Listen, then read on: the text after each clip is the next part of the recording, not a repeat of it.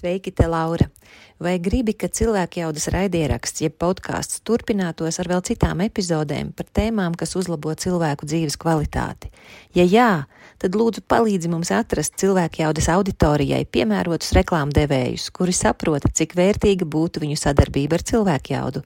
Mums tā būtu iespēja sekt regulāras izmaksas, kas saistītas ar jaunu epizožu veidošanu un nodrošināšanu cilvēkiem, lai visiem bez maksas ir pieejama noderīga informācija, kas uzlabo dzīves kvalitāti un palīdz ieraudzīt jaunas iespējas un risinājumus.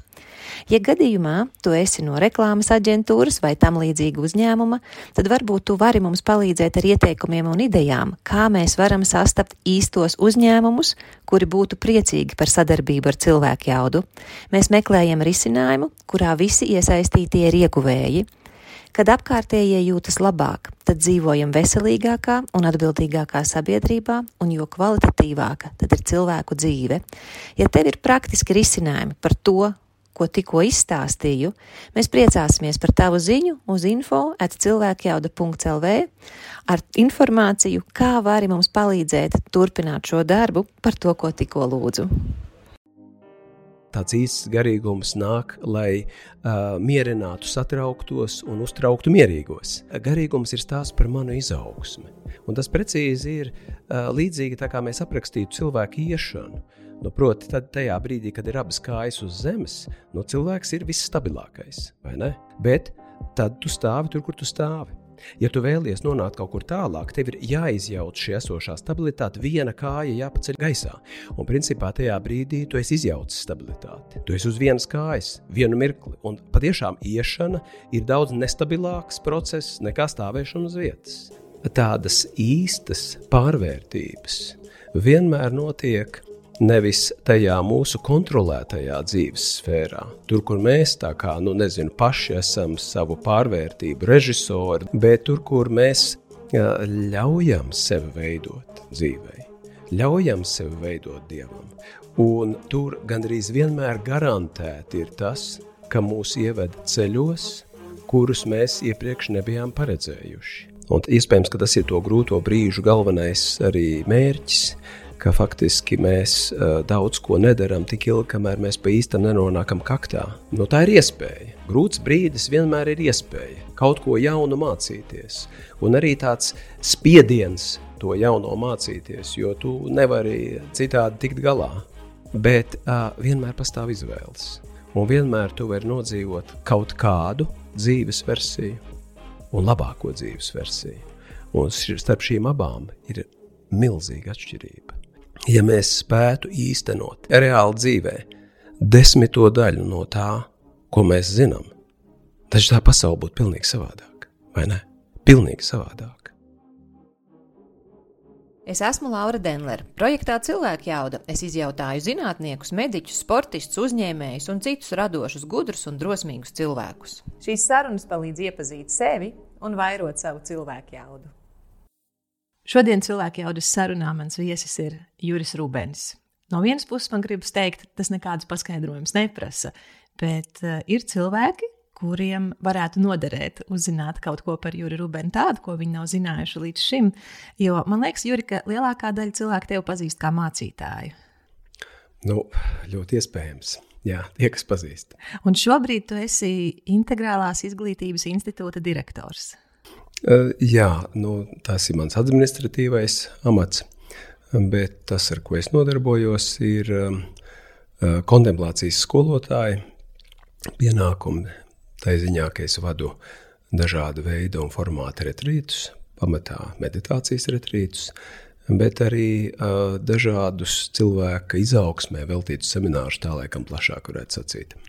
Un tad, kad es lasīju, skatījos, kā man te pieteikt, tad tie vārdi, kas arī Wikipēdijas lapā, piemēram, ir, ka tu esi garīdznieks, tu esi rakstnieks, vai ir vēl kaut kas, ko tu liktu klāt pie tevis pieteikšanas?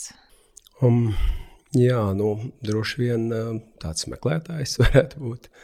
Tādā nozīmē, ka mm, liela mana dzīves daļa ir uh, meklējumi pēc patiesām atbildēm uz lieliem jautājumiem. Un ne tikai varbūt tādām atbildēm, kuras varētu noformulēt, bet varbūt arī tādām piedzīvotām atbildēm. Mm -hmm. Es domāju, tieši par to būs arī mūsu saruna. Mm. Šo grāmatu es sāku lasīt jau pagājušā gadā, pagājušā gada vasarā. Es nevarēju saņemties drosmi te uzrunāt uz šo sarunu. Man liekas, nu, jā, nu, Juris Rubens, ko viņš nāks ar mani, ar mani runāties, bet tā grāmata man vienkārši neliek mieru. Un, mūsu uzticamajiem skatītājiem, klausītājiem, tie, kas paļaujas arī uz manu gaumu, es varu teikt, negaidi uh, sarunas beigas, pasūti šo grāmatu uzreiz, tāpēc ka uh, vienkārši risks ir tāds, ka viņu būs grūtāk dabūt, zinot to, kas nu, mēdz notikt pēc uh, dažādām mūsu sarunām. Es gan ticu, ka izdevniecība piedrukās klāt, bet būs gluži vienkārši jāpagaida. Un tavā uh, nesenākajā grāmatā, starp divām bezgalībām, mani ļoti uzrunāja formāts, ka it kā ir divas daļas. Viena daļa ir, kurā tu esi, kurā tu stāsti dažādas prakses, kas palīdz cilvēkam nonākt pie sevis, un otra daļa ir tavs personīgais pieredzes stāsts dažādās tādās jomās. Kas bija grūtāk - rakstīt, aprakstīt šīs prakses vai stāstīt savu stāstu? Savu stāstu stāstīt ir vieglāk vienmēr, jo tad tu vienkārši pieliec um, pildspalvu pie papīra, raksta roku daudz un bieži, un vienkārši lietas notiek, plūst. Bet, protams, grūtāk ir tāpēc, ka um, tu saproti, ka to lasīs ļoti dažādi cilvēki, ar ļoti varbūt, dažādu līdzinējo pieredzi un um, mēģinās interpretēt un skaidrot. Un, jo personiskāku pieredzi mēs stāstām, jo tā ir uh, uh, daudz vairāk interpretējama visādi, pārprotama vai ne. Un tā ir tāda mazliet tāda sarežģīta sajūta vienmēr, kad tu stāsti kaut ko ļoti personisku, Tu zini, cik ļoti tas ir pārprotams. Sevišķi, ja to lasa cilvēks, kurš pats eh, nav varbūt kaut ko tādu piedzīvojis. Bet interesanti ir, ka tās grāmatas tapšanas gaitā eh, tas rakstīšanas process pats mani sāka koriģēt. Tas ir ļoti interesants īstenībā process, tāds, mm, kurā kaut kas top, veidojas, rodas, tu esi tādā radošā procesā iesaistīts kur pašā sākumā, kad es domāju par, šo, par šīs grāmatas um, noteiksim, nu, modeli, man bija skaidrs, ka es vēlējos aprakstīt um, dažāda veida uh, prakses, metodes, kas var palīdzēt cilvēkam paplašināt viņa dzīves bildi vai pieredzes bildi. Līdz ar to nonākt pie dziļākas sevis un šīs dzīves pieredzes ka nav tikai viena prakse vai divas, bet ka īstenībā ir dažādas metodas un dažādiem cilvēkiem. Iespējams, uh, vismaz uh, kā tāds sākuma izrāviena punkts, var būt dažādas prakses. Man nav tā, ka visiem ir jāpraktizē kaut kas viens. Bet sākumā bija tā ideja vairāk, nu, tā kā es aprakstu šīs prakses, lūk, cilvēks var iepazīties ar tām, palūkoties, izvēlēties, bet procesa gaitā uh, ļoti spēcīgi pieteicis sevi tā sajūta, ka tev ir jāraksta arī kaut kas personisks. Un sākumā man tā kā nebija tā sajūta, ka es tā ļoti daudz personiskas detaļas tur rakstītu. Kaut ko jā, bet ne tik ļoti. Bet um, pats tas ra rakstīšanas process kādā brīdī nu, tādu imperatīvu uzstādīja, ka tas ir jādara, tas ir nepieciešams. Un, uh, es esmu uh, mācīts cauri dzīvēi, tām iekšējām sajūtām uzticēties. Un es tiešām uzticējos, un mm, tādā ziņā tā ir tāda pati mana personiskākā grāmata, jo es kaut kā uzrīkstējos aprakstīt eh, notikumus, kurus es līdz tam biju varbūt stāstījis trījiem cilvēkiem. Un, um, jā, citiem vārdiem gribu sacīt, ka, ka mm, tas neparastais vai interesantais bija tas, ka tas pats process tev tā kā sāk korrigēt, un tev ir kaut kāds viens priekšstats, kā tu mēģināsi iet cauri šīm grāmatas rakstīšanas mm, teiksim, ceļam, bet tad, lūk, tur pa vidu kaut kas notiek, kas tevi maina. Rakstīt jau par šīm iekšējām lietām ir viegli, jo tā ir tava pieredze. Bet, protams, um, bet, protams arī izaicinoši. Protams, tu saproti, ka uh, um, ka ir tik ļoti daudz dažādi skatu punktu, no kuriem uz to var skatīties. Tas, protams, jā, vienmēr tevi noliek tādā neizdevīgā stāvoklī. Bet atkal no otras puses, um, droši vien ir tā, ja tu raksti pa praksēm, tad um, nu, ļoti grūti būtu iedomāties, ka darbotos tāds mm, distancēts skatījums uz kaut ko, ka kāds cilvēks nezinu, no balkona skatās uz pasauli un apraksta tur tālu pasaulē notiekošus uh, notikumus, un neparādās tā personiskā dimensija. Man liekas, ka tā personiskā dimensija ir svarīga. Tā grāmata man ir vienādības zīme vārdam drosme. Tad, kad es viņu lasīju, man ļoti veicās. Es viņu lasīju arī Baltijas jūras krastā. Mm -hmm. Jā, tā bija neaprakstāma sajūta, ka uzšķirot jaunu nodaļu, redzot tavu personīgo skaidrojumu klāt par tavu pieredzi, man ik pa laikam bija sajūta, o, tas ir drosmīgi. Viņš to stāsta, viņš to ir darījis. Vai nebija tā, ka savā ziņā tu riskēji ar to, kā tevi cilvēki redzēja līdz šim, kā nu, tomēr luterāņu mācītāju, un tagad tu stāsti lietas, kas iespējams tieši baznīcas cilvēkiem varētu būt grūti pieņemamas. Vai sap, grūti saprotamas tā laikam? Grūti saprotamas, jo um, no vienas puses um, visiem tiem, kam ir svarīgs dziļš garīgums, proti mm, dziļa komunikācija ar nu, teiksim, lietosim tādu plašāku vārdu, uh, ar šīs realitātes avotu, ar lielo noslēpumu, no kura mēs visi nākam. No vienas puses, tas jau ir tāds kopīgais pamats visam garīgumam. Droši vien stāsts ir par formām, vai ne?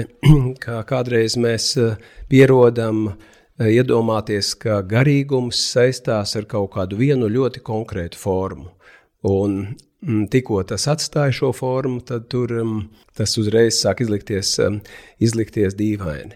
Bet um, man šķiet, ka visiem tiem cilvēkiem, kuriem saturs ir svarīgāks par formu, um, varētu būt tas uzrunājoši. Jo, bet, bet, protams, protams, es tā sapratu, ka ieejot tādā personiskās pieredzes apgabalā, um, tas, uh, kā jau es pieminēju, vienmēr ir izaicinoši. Jā.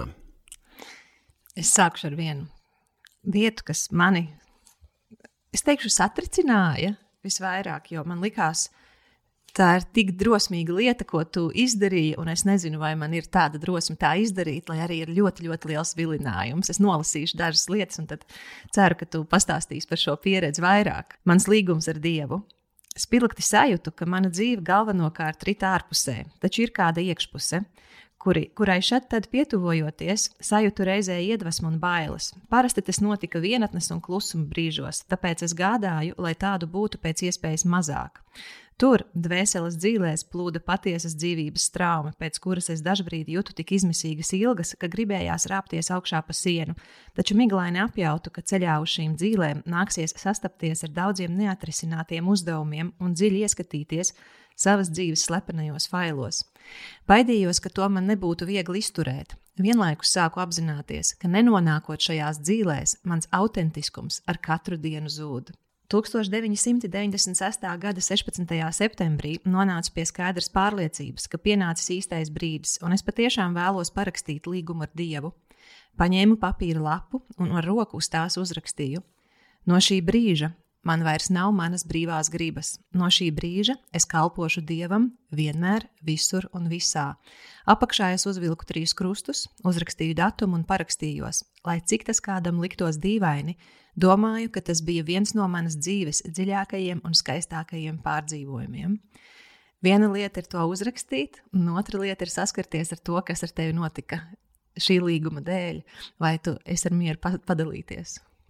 Tāda tradīcija veidot nu, tādas uzticības, pilnas attiecības ar Dievu, vai nu burtiski parakstīt līgumu, tāda ir pazīstama kristietībā. Un ir um, vairāk cilvēku to sajūtuši darīt. Nu, bija savs um, um, iemesls man arī to uh, darīt, es tur arī mēģinu to paskaidrot.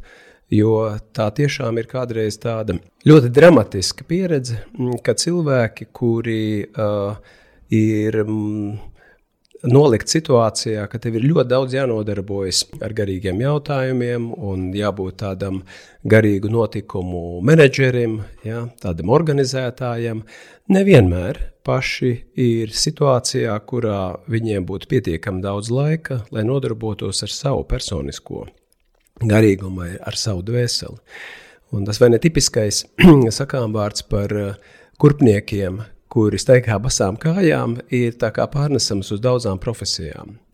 Tā kā nevienmēr uh, cilvēki, kur atrodas garīgās profesijās, paši arī ir tik ļoti dziļi tajā, uh, nu, teiksim, garīguma transformatīvajā procesā. Un es to mm, asimetriju sajūtu. Respektīvi, tu um, uh, esi pozīcijā, kurā tu stāsti par kaut ko, citiem cilvēkiem, ko tu nevienmēr pats esi piedzīvojis. Jeb ko tu, nu, teiksim, pazīsti no ārpuses, bet ne no iekšpuses. Un tur jau acīm redzot, nav vajadzīga liela gudrība. Ātrāk vai vēlāk, es domāju, katrs nopietns meklētājs tajā garīguma uh, jomā nonāk pie, um, pie šīs atziņas, kas tāds ir pa pieredzi. Garīgums nav stāsts par deklarācijām, tas nav stāsts par konceptiem.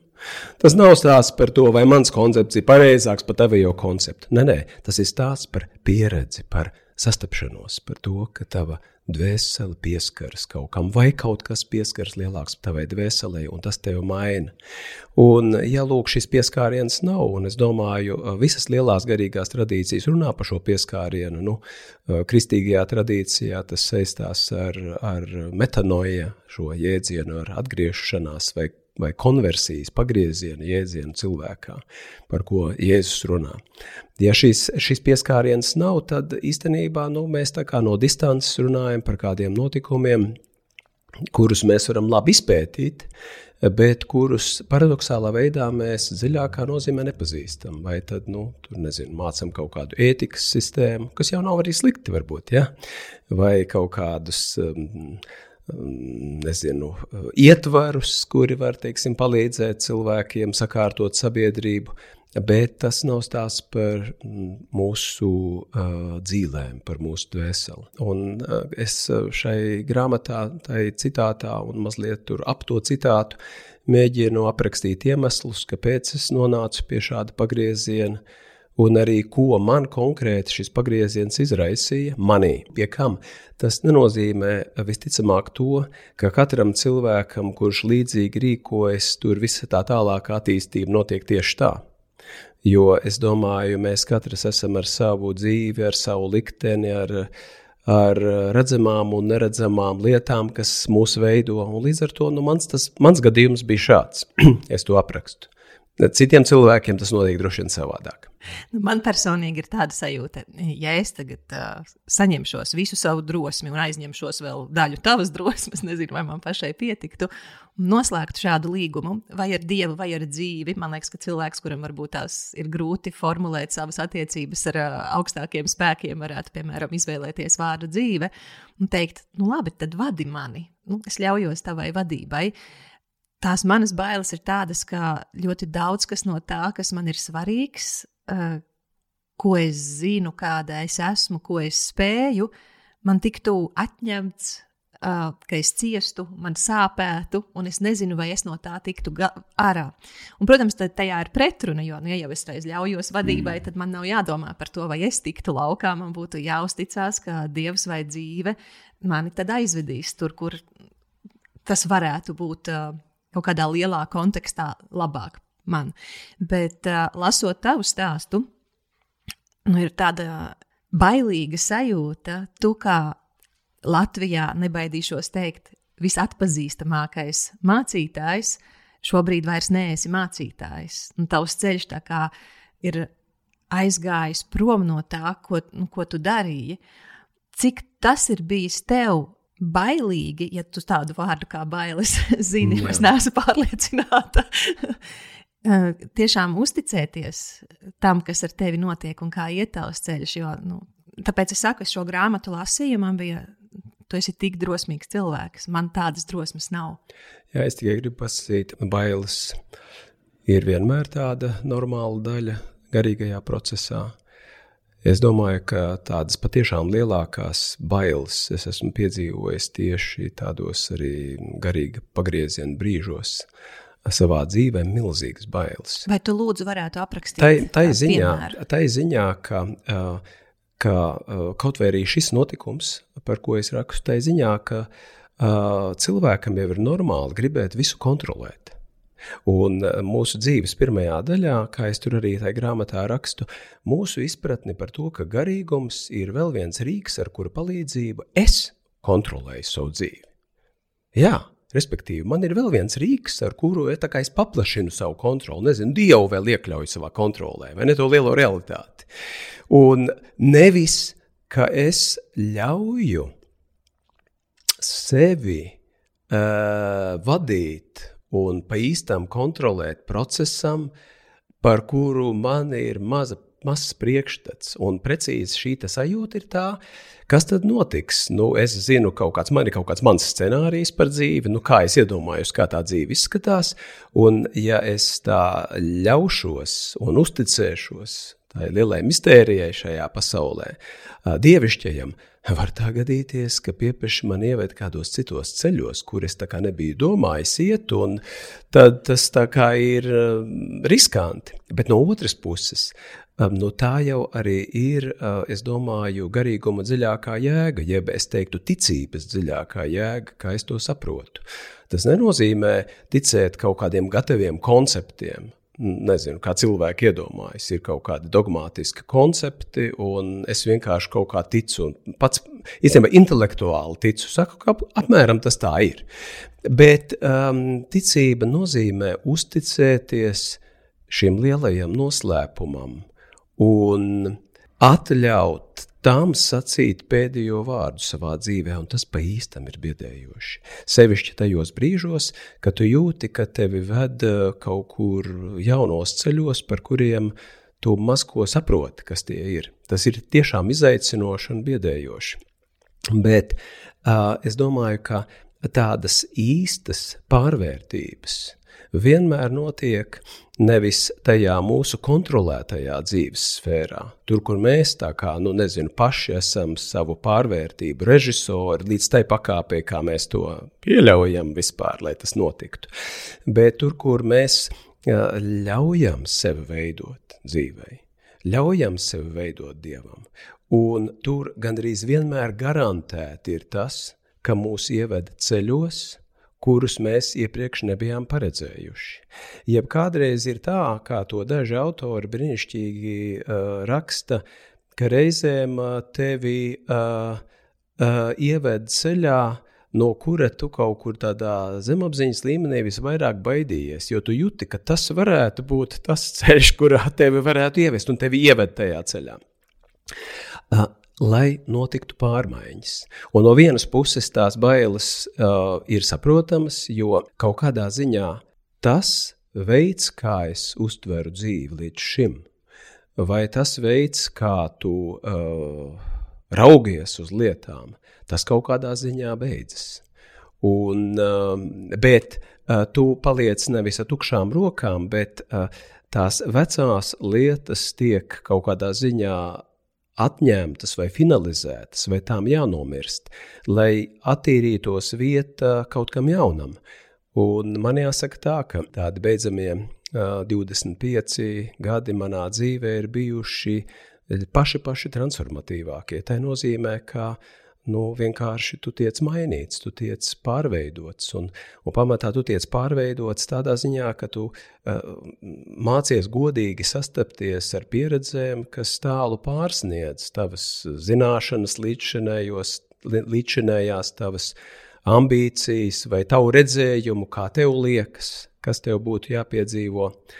Um, dzīve jau ir tāda ļoti noslēpumaina miedarbība, vai tāda deja, kā Rožs skaisti saka ar Dievu, kur no vienas puses, uh, jā, ir tava paša aktivitāte. Nav jau tā, ka tu esi skaidiņu upē, kuru tur tā upe tagad nes.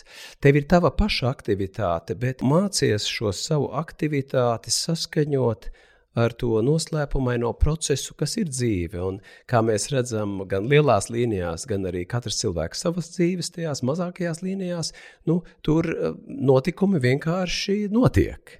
Un bieži vien nu, tev ir jārēģē uz šiem notikumiem. Ir kādi notikumi, kurus tu pats vari izraisīt, bet ir kādi notikumi, uz kuriem tu vienkārši vari reaģēt. Un tad tas ir stāsts par to, nu, kādā veidā tu sadējo ar dzīvi. Es tev par dēļu noteikti uzdošu jautājumus, jo tavs stāsts par tevi un dēļu arī bija viens no tiem, kas man sašūpoja, o, mācītāji, visu cieņu. Par to, ka tu teici, iedot tam lielajam noslēpumam pēdējo vārdu, un ka tas ir ļoti bailīgi. Vai tu lūdzu varētu pastāstīt mums kādus piemērus no savas dzīves par tiem tieši tiem baiļu posmiem un aprakstīt, kas tur notika un kā tu varēji saņemties, kāpēc es to lūdzu. Jo gan man pašai, gan cilvēkiem, kas mūs klausās un skatās, tieši bailes ir tās, kas mūs aptur. Ja cilvēks jau sen jūt, nav labi, tā kā ir, vairs nav labi, nav slikti, bet arī labi nav. Un vai es turpināšu dzīvot tādā aiz bailēm radītā remdenībā savā dzīvē, un ir sajūta, ka tik grūti vai tik izaicinoši tas ir tikai man. Un tāpēc es ceru, ka tāds cilvēks kā tu, Juri, var mums caur sava ceļa parādīšanu tieši caur šiem brīžiem, varbūt, varbūt mums tas dos kaut kādu, nezinu, vai lielāku drosmi, vai sirsnīgāku attieksmi pret sevi, vai lielāku paļaušanos uz lielo noslēpumu. Jā, nu, bailes jau no vienas puses var būt arī uh, palīdzoša emocija, kas cilvēkam, nezinu, uh, um, cilvēku mudina nesteigā devītā stāvā pa balkona malu, vai ne, un neveikt kaut kādas citas izaicinošas darbības, kas varētu būt muļķīgas. Bailes ļoti bieži ir arī uh, tas uh, rīks, ar kuru mūsu uh, vecā sistēma vai pirmās dzīves daļā izveidotā sistēma. Nu, ko varētu saukt par tādu ego konstruktu, vienkārši sevi aizsargā ir, eh, nu, kā lai saka, dzīves pirmajā daļā tu esi uztaisījis vienu dzīves redzējumu, tas puslīdz darbojas. Iespējams, tu jūti, tas nav pats labākais, kāds varētu būt, bet tas ir vienīgais, ko tu pazīsti. Un tu nezini, vai, ja gadījumā tu ļautu to tagad izjaukt, vai tu dabūsi kaut ko vietā. Un, uh, un uh, ar bailēm šī ego sistēma sevi visu laiku aizsargā. Tādā nozīmē, ka mm, Tu tā kā mēģini paiet kaut kādā mazliet jaunā virzienā, tu jūti, tur kaut kas varētu būt. Un tur kaut kādā brīdī tā kā tāds elektriskais gans, vai ne kādreiz laukos bija tās teritorijas ar tādām drātīm, kur vaistrāva tiek laista cauri, vai ne, lai tur tā kā uh, govs aiziet līdz tai malai, viņi dabū bišķiņu triecienu, viņi iet atpakaļ, ja? Un tur bailes darbojas līdzīgi. Tu tā kā aizēji līdz kādam, līdz kādai vietiņai, tu sabīsties, un saproti, nē, nē, labāk neiešu tālāk. Bet kas ir tas interesantais? Tu um, bieži vien nepajautā, uh, kāpēc tu sabijies, jeb kā uh, dažkārt mēdz mudināt jautāt, kam man ir bail? Nu, respektīvi, vai man ir bail tādai vecajai sistēmai, kas vienkārši grib sevi aizsargāt, jeb nu, tam, kas dziļākā būtībā tu esi. Un tad tu jutīsi, ka jā, vienai daļai manī ir bail, bet viena daļa manī vēlas to robežu šķērsot, tieši otrādi saprot, ka tas ir jāšķērso. Un faktiski pie visiem lieliem pagriezieniem mēs esam tādā, nu, uz tāda baiļu sliekšņa nolikti, jo mēs vienmēr esam kaut kādā ziņā katrā mirklī manas līdzinējās dzīves notikumu veidojums – un vienlaikus tas cilvēks, kas es varētu vēl tapt un būt. Tā kā vienā mirklī vienmēr ir divi cilvēki. Tas, kas es esmu kļuvis savas līdzinājās dzīves laikā, un tas cilvēks, kas es vēl varētu kļūt, jeb tas cilvēks, ko es sevī nesu, tas dziļu cilvēks, kas varētu vēl piedzimt un būt. Un um, bailes faktiski no mums parāda to, un Un bailes ir informatīvas, tāpēc, piemēram, tad, kad mēs sajūtam bailes, varbūt pareizāk ir nevis sākt baidīties, bet izpētīt bailes. Es mudinātu izpētīt bailes, iedziļināties savās bailēs. Ļoti vērtīga lieta. Kas notiek vispār manī? Ko es saucu par bailēm? Kas tie ir par procesiem, no kurienes tie nāk? Kāpēc? Un tad kādreiz mēs varam nonākt pie ļoti, ļoti interesantām atbildēm. Ļoti negaidītām atbildēm, ka tur virspusē ir kaut kas viens, bet dziļākajā nozīmē ir kaut kas cits. Un, ja runa ir teiksim, par tādiem konkrētiem piemēriem, man ir nu, ļoti, ļoti daudz piemēru, kur es tādus baidus liekšņus esmu, esmu piedzīvojis. Bet, um, Bet uh, es domāju, ka viena robeža pavisam noteikti ir tā, ka um, es domāju, ka katrs cilvēks vienā dzīves posmā, nu, tā no sirds um, atrodas vienas garīgās tradīcijas ietvarā, un tas ir normāli, vai ne? Tu, tu piederi vienai garīgai tradīcijai, tā ir viena, tā ir tava tava garīgā dzimtene, tās ir tavas mājas, pie kam tepat ir stāsts ne tikai par vienu konkrētu, piemēram, reliģiju, manā gadījumā, piemēram, kristietību, bet arī par konkrētu konfesiju, vai ne? Konkrētu konfesiju, kas jau ir kāds apakšvariants, arī sašaurināts jau tās lielās reliģijas, teiksim, modus. Tās ir tavas mājas, tur tu jūties labi, tur tu jūties komfortabli. Un, uh, lai cik tu būtu atvērts, nu, piemēram, man bija tā sajūta, ka es esmu diezgan atvērts cilvēks un esmu tur tā, teiksim, elastīgs un, un izprotošs pret arī daudziem citiem modeļiem. Tad, kad tu piepeši jūti, ka tava dzīve tevi nes virzienā, kur tev vajadzētu mācīties, iepazīt un ar cieņu izturēties pret citām garīgajām tradīcijām, tu piepeši sajūti to, cik uh, tur ir daudz uh, neusticības, cik tur daudz ir brēmžu iekšpusē, cik īstenībā mēs neesam nu, tā gatavi ārpus pieklājības frāzēm pa īstam ieskatīties um, nu, cit, citās versijās, kā Dievs šajā pasaulē atklājas. Un, um, tur es esmu piedzīvojis tādas, jā, tādas robežas, kur tavs līdzšinējais kaut kāds intelektuālais uh, uh, modelis tevi tur uh, gūstā. Vēl, vēl, ja es teiksim, ja man būtu jāpiemina kaut kādi konkrēti piemēri, es noteikti uh, pieminētu arī um, nezinu, nu, kā lai to politkorektāk pasaka, bet arī aizspriedumus, kurus uh, mēs iemācāmies ejot cauri noteiktam uh, noteikts reliģijas, teo, noteiktai teoloģiskai sistēmai. Es esmu ļoti pateicīgs par savu teoloģisko izglītību, un tā man ir ļoti palīdzējusi. Es esmu daudzus gadus veltījis, lai to paplašinātu un attīstītu. Bet kur ir tā problēma? Respektīvi, arī tā teoloģiskā izglītība uz noklusējumu nes sevi iekšā dažādus aizspriedumus, kurus tikai ar laiku tu esi spējīgs um, tu esi spējīgs atklāt. Un um, viena, piemēram, tāda interesanta, specifiska tēma ir tā, nu, kristietībā šķiet visiem ir pilnīgi skaidrs, kas ir daudz maz iedziļinājušies, ka Dievs ir mīlestība un Dievs ir labs. Un uh, Dievs um, dod uh, visiem cilvēkiem iespējas un piedod vēl un vēl, vai ne? Ka tur ir tāda bezierunu, uh, teiksim, piedošana, bet uh, tie teoloģiskie koncepti jau vienmēr saka, stop, stop, nav tik vienkārši. Tomēr ne visiem, un tomēr ne visos gadījumos. Un esi uzmanīgs, ja tu nekvalificēsies, ja tu neizsteigās tur šo celiņu. Tad varētu gadīties, ka uz tevi tas neatiecas. Citiem vārdiem, tas ir savādi, ka kādreiz varbūt tur ir labi nodomi, neiedziļināsimies tagad tai, tai visā. Bet uh, faktiski tās teoloģiskās koncepcijas kādreiz uh, tev, tevi iz, izveidot dziļu dziļu sajūtu par to, ka Dievs nav nemaz tik labs visos gadījumos, ka Dievs nepiedod visu. Un Dievs nav tā mīlestība. Dievs ir vairāk tāds uh, tiesājošs soģis, kurš, uh, kurš tā kā pasaugs katru uz paklāju, un tad skaties, kā tur būs tāds kosmisks grāmatvedis, kurš visu ir pierakstījis, un ārprāts, vai ne, viss ir pierakstīts, ko es ar, ko es ar to darīšu, kā es ar to tikšu galā. Un citiem vārdiem, Ko es gribu sacīt? Var tā gadīties, ka tu iepazīsti kaut kādu garīgu sistēmu, kura uz noklusējumu tev sniedz ļoti daudz informācijas no vienas puses par Dievu, no otras puses nevis palīdz tuvoties Dievam, bet tev īstenībā rada šķēršļus, lai tu tuvotos Viņam.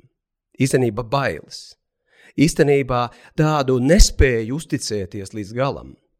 Uh, jeb kā to Ričards Roza brīnišķīgi kādā grāmatā saka, cik tas būtu brīnišķīgi, vai ne, ka daudz cilvēku domā, ka Dievs ir labs, bet cik labi būtu, ja tā tas tiešām būtu, vai ne? Vai tas neskan pārāk labi?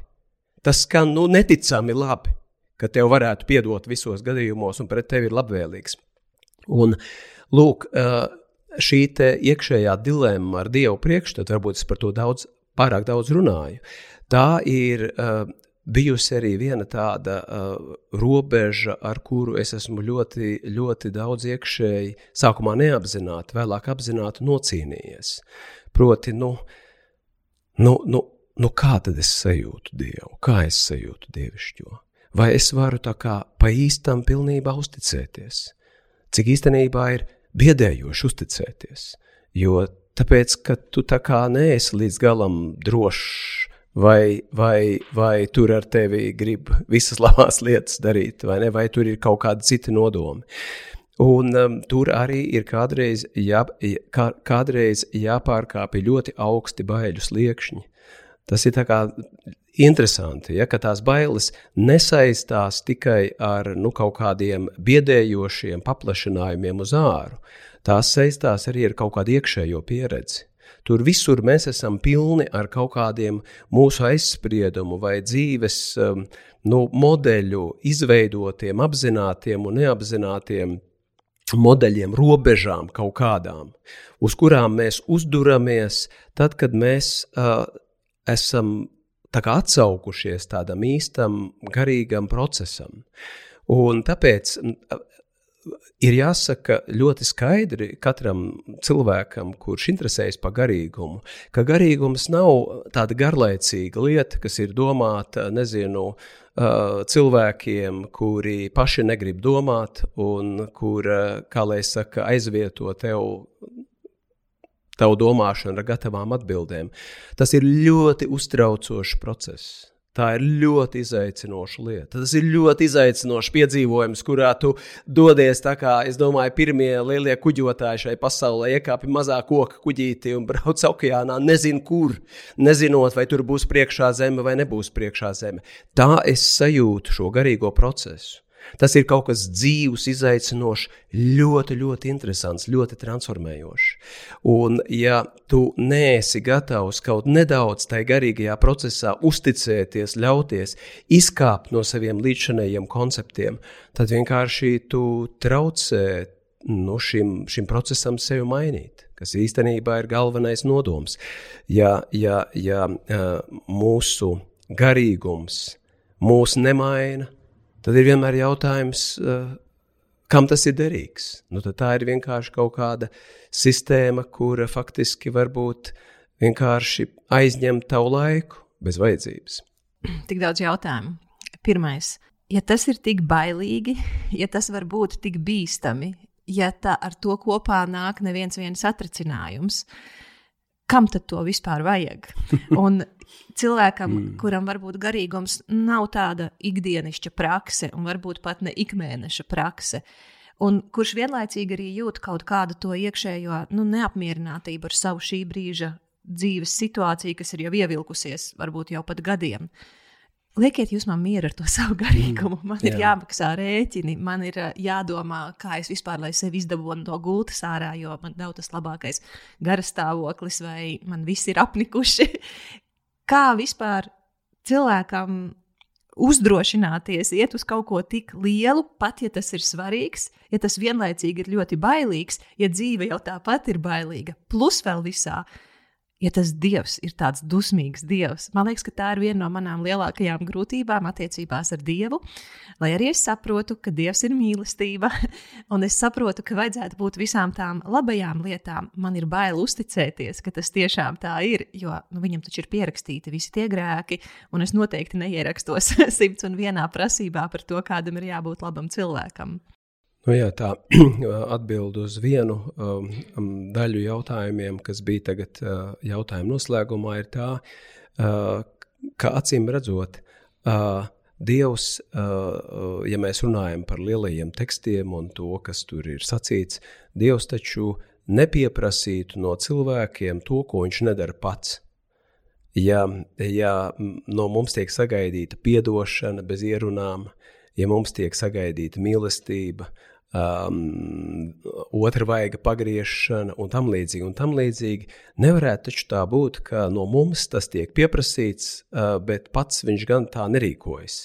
Citiem vārdiem, tad tā varētu būt tas paradoks, atkal jāatsaucās uz Richardu Roru, kurš saka, tad gan būtu jocīgi, ka cilvēks būtu etiskāks par Dievu.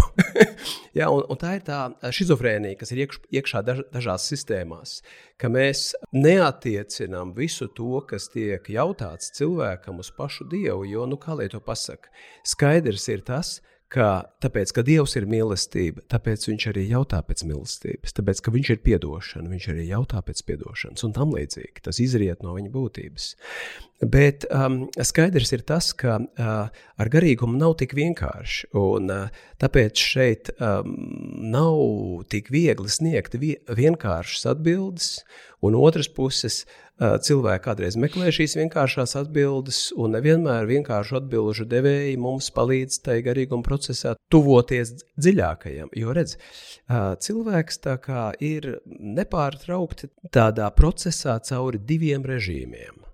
Un to varētu aprakstīt kā uh, dzīvi komforta zonā un dzīvi ārpus komforta zonas.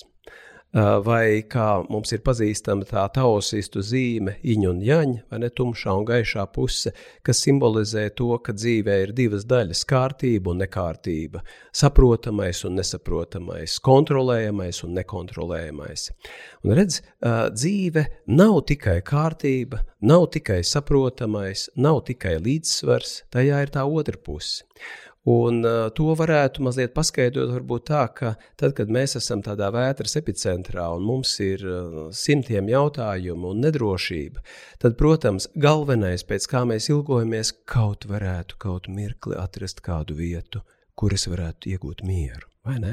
Respektīvi, ir situācijas, kurās mums ir ļoti, ļoti vajadzīgs miers. Bet tad, ja mēs tagad tajā miera brīdī aizsēžamies pa ilgu, un to visi pazīst, Kai paiet gadi, nekas nenotiek. Tur griežās apmēram tie pelēkie ritentiņi. Nekas jauns tur nenotiek. Tu stāvi turpat, tu sāc smakt nost no tā. Tu īstenībā esi tādā situācijā, kad tu sajūti kā mokas šo procesu, kurā nu, viss ir tā kā, kā kārtībā, bet arī nekas jauns nenotiek. Un tad ir kādi brīži, kuros būtiska palīdzība cilvēkam ir tā, ka viņa to esošo kārtību palīdz izjaukt.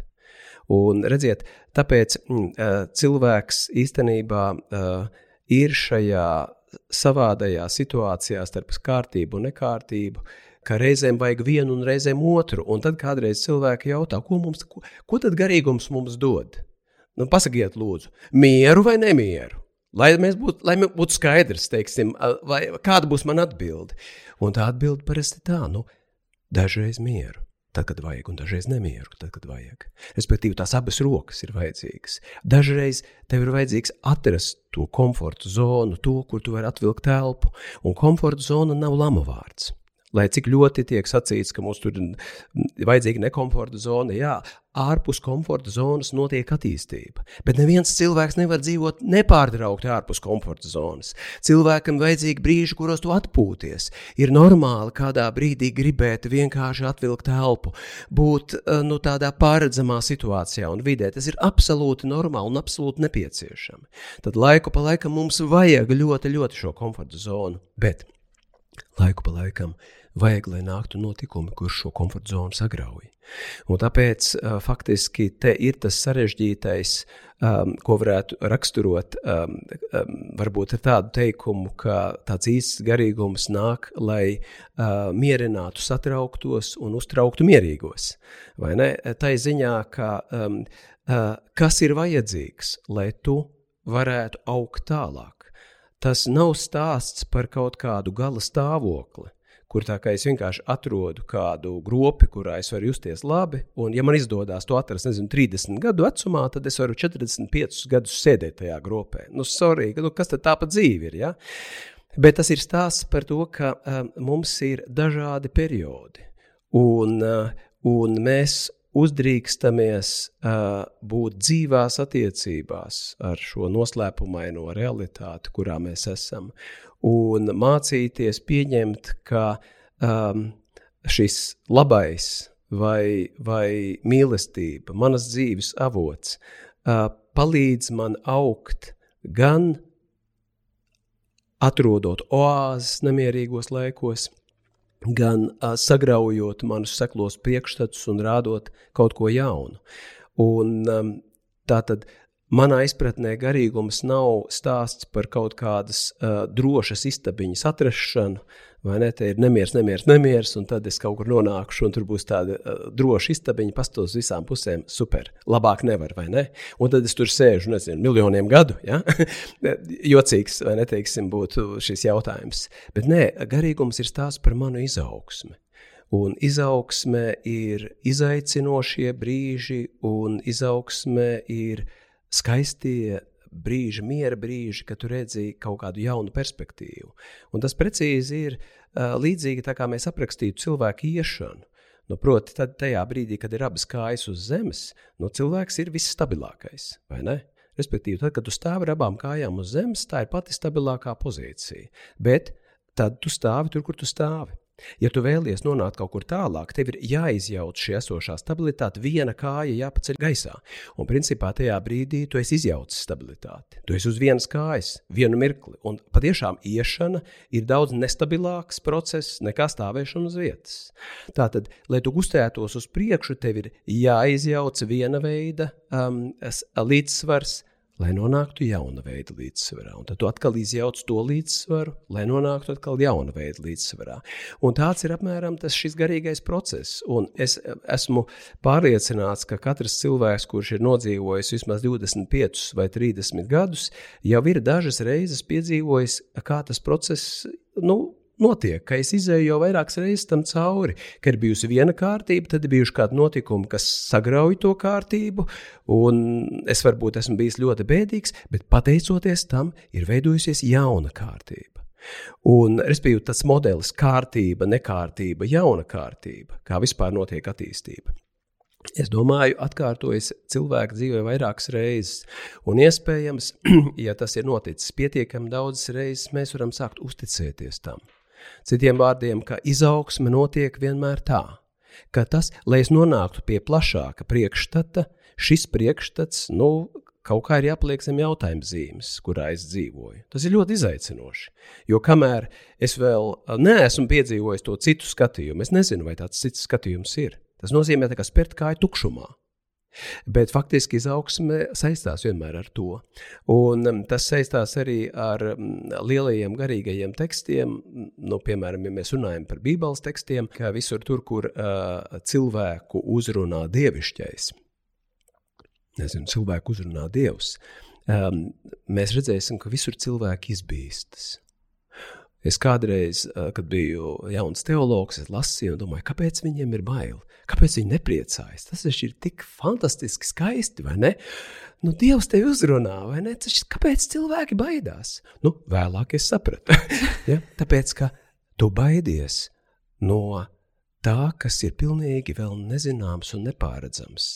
Tas ir diezgan tipiski cilvēkam, uh, baidīties nevis no sliktām, bet nepazīstamām lietām, un nepazīstamas vai slikti pazīstamas lietas ir ļoti liela tendence demonizēt vai kaut kā pasludināt, ka tās ir sliktas. Tas ir absolūti tipiski cilvēkam. Ir tāds sakām vārds, kā mēs varam atzīt īsta jaunas lietas no lietām, kas uzdodas pa jaunām, bet tādas nav. Tad, kad tu sastopi īsti jaunu lietu, tu izbīsties. Tas ir kriterijs. Kāpēc? Tāpēc, ka tu nezini, kur to likt. Tas ir, tu nekad neesi bijis šādā situācijā. Tu nezini, ko darīt. Bet, ja tu sastopies nu, vienkārši ar kaut ko chronoloģisku jaunu, nezinu, nu, šodienas avīzes numurs ir kā jauns, bet tā ir tāda pati avīze, apmēram kā bija vakar, tur tikai citi burti un citi notikumi. Nu, tas tev nepārsteidza, vai ne? It kā tas ir jauns izdevums šodienas, bet viss vecais turpat ir. Tāpēc, um, nu, tur, kur mēs sastopamies ar tādiem paplašinājumiem, uh, savas dzīves paplašinājumiem, īstiem, mēs vienmēr izbīstamies. Un, um, un baiļu pārvarēšana vai kaut kādā ziņā uh, izskaidrošanās ar bailēm ir viens normāls garīgās izaugsmes elements, normāla garīgās izaugsmes daļa. Nu, un cilvēkiem, kuriem tāpatās, kā, kā tu pieminēji, ir pilna galva ar, ar problēmām un, un, un nemieru, un viņiem jautājums būtu, kāpēc man tur vēl jāuzņemās kaut kāds nemieris garīgajā procesā. Nu, pirmkārt, vai ne tā atbilde būtu tāda, ka nevienam nekas nav jādara? Nu, nav tā, ka kāda institūcija varētu visiem cilvēkiem nodeklarēt, kas tiem ir jādara.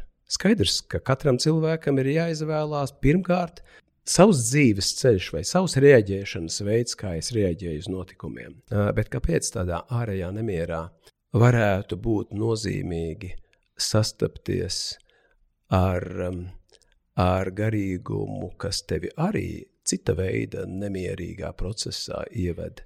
Nu, es teiktu, tāpēc, ka tas paplašina tavu iespēju izturēt šo realitāti.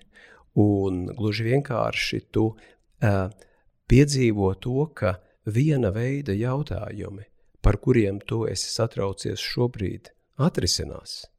Bet, protams, rodas cita veida jautājumi. Un, um, un tā ir arī tāda izaugsmes daļa, ka patiesas garīgums uh, nevis uh, sniedz kaut kādas mierinošas atbildes, tādā nozīmē, ka cilvēkam vairs nekas nav jāmeklē, bet faktiski sniedz atbildes, un vienmēr katra atbilde ir jauni jautājumi. Um, un kādreiz ir tā, ka tie ir aizvien ja, izaicinošāki jautājumi, kuri stimulē tev augt, kuri stimulē nu, tev attīstīties. Un, uh, tas ir tas, ko es esmu sapratis ko garīgais ceļš nozīmē, tā ir izaugsme. Un īstenībā izaugsme ir vienmēr izaicinoša, bet ļoti skaista un tā padara dzīvi ļoti interesantu. Un tā dod iespējas, tā vienkārši sakot, nodzīvot savas dzīves labāko versiju. Mums ir katram tā dzīve ierobežota kaut kādos ietvaros, un mēs um, nevaram visu neviens Mums ir kaut kādi, nu, kā lai saka, jau cietais rāmis. Tādā nozīmē, ka mm, mēs esam piedzimuši konkrētā vietā, konkrētā laikmetā, konkrētā ģimenē, konkrētā dzimumā, un tur jau ar to vien, ar konkrētām spējām, un tur jau ir īstenībā diezgan daudz uh, cietie nosacījumi, kurus mēs nepārkāpsim. Vienkārši kuri ir. Kā lai saka, tas izvēļu koridors cilvēkam dažkārt ir diezgan ierobežots. Bet uh, vienmēr pastāv izvēles un vienmēr tu vari nodzīvot kaut kādu dzīves versiju un labāko dzīves versiju. Un starp šīm abām ir milzīga atšķirība. Un es domāju, ka garīgums manā izpratnē man palīdz nodzīvot iespējami labāko dzīves versiju. Ne tādā nozīmē, ka es esmu kļuvis par pilnīgu cilvēku, pabeigtu visās nozīmēs. Jo, ja ir izaugsme nepārtraukta, nu, tad tā pabeigtība kļūst tāds ļoti problemātisks teiksim, vārds. Bet, bet jā, es, es varu īstenot šajā dzīvē nu, maksimālo kam šī dzīve ir dota. Un līdz ar to mana dzīve var kalpot šai pasaulē. Man vienmēr ir jāskatās plašākā kontekstā.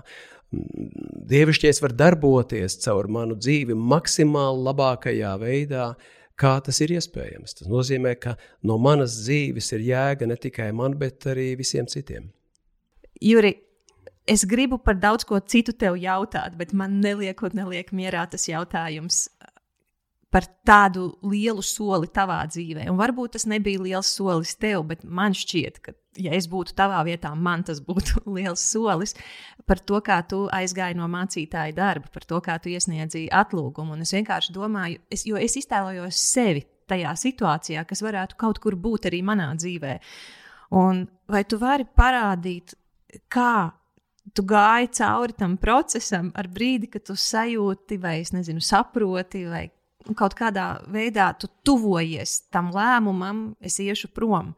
Ka tieši kad ir, ir tik, nu, es vienkārši es jautāju par sevi, es nejautāju par tevi, bet es ļoti gribu ieraudzīt to atbildi caur tavu, caur tavu pieredzi. Kāda ir tā sajūta, tad, kad tu parādās doma, ka tas varētu notikt, kur ir tās bailes, kā tu teici, nu, bailes, ja tu iesi kaut kā jaunā, nezināmā iekšā, bailēm tur ir jābūt noteikti. Es, es gribu es gribu atspērties uz tavas pieredzes? Nu, tur, es domāju, ir vairāk līmeņi. Un um, es, um, man jāsaka, ka tur ir arī kaut kas tāds, kas ir īstenībā vārdos neizsakāms, neverbāls. Un man ir iepriekš jāatvainojas, jo mm, man šķiet, ka mūsu dzīvē vienmēr ir klātesošs tāds. Mm, pieredzes vai apzināšanās līmenis, kuru mēs vārdos mēs pateikt nevaram. Respektīvi, ir kaut kāds tāds sajūtu punkts, kurš, um, kurš ir svarīgs. Tu to nolasi, bet uh, Nav tā, ka tu varētu pat sev to pateikt vārdos. Citiem vārdiem ir pieredze, kuru tu pats sev nevari pateikt vārdiski. Un tāpēc ir ļoti grūti tādus lielus pagriezienus aprakstīt cilvēkam, ka, protams, mēs varam atrast kaut kādus apzīmējumus, vai kā kādreiz tas tā notiek, mēs atrodam arī um, paši sev pie rokas esošus izskaidrojumus, kurus mēs pat paši varam sev atrast bet kuri nevienmēr izsaka visu, jeb tā kā saplecina to. Es um, gribu uzreiz sacīt, ka um, šis solis uh, saistījās ar ļoti daudz ko manā dzīvē, iekšēji un ārēji. Un, um, tas noteikti nebija kā protests pret, uh, pret kristīgo garīgumu. Un arī kā tāds protests, ka tu kaut kam savā dzīvē pasaki, mm, nē, un dari kaut ko pilnīgi no nulles jaunu. Mm, gluži vienkārši tas saistās ar eh, veselu virkni pieredzēm, kuras tevi iekšēji pārbūvē, un tu sajūti, ka ietvari, kuros tu esi, kļūst sarežģīti un ierobežojoši. Tava autentiskuma izpausmei. Respektīvi, ir katra garīgā organizācija, un tas es gribētu pasvītrot, katra dod zināmu brīvību cilvēkiem, kas ir tās ietvarā, sevišķi, ja viņi pieder pie, pie tā sakot, uh, uh, establishmenta, jeb tā, tās puses, kas kaut ko tur veido un nosaka. Bet no otras puses, katra garīgā sistēma uh, faktiski sagaida lojalitāti. Un tā ir nu, gluži vienkārši dažādos veidos formulēta, izteikta vai neizteikta. Un nereti ir tā, ka tā lojalitāte, kas tev ir jāpauž šai garīgai sistēmai, ne dievam, bet tai noteiktai sistēmai, var uh, nonākt konfliktā ar tavu uh, patiesības izjūtu vai autentiskumu izjūtu.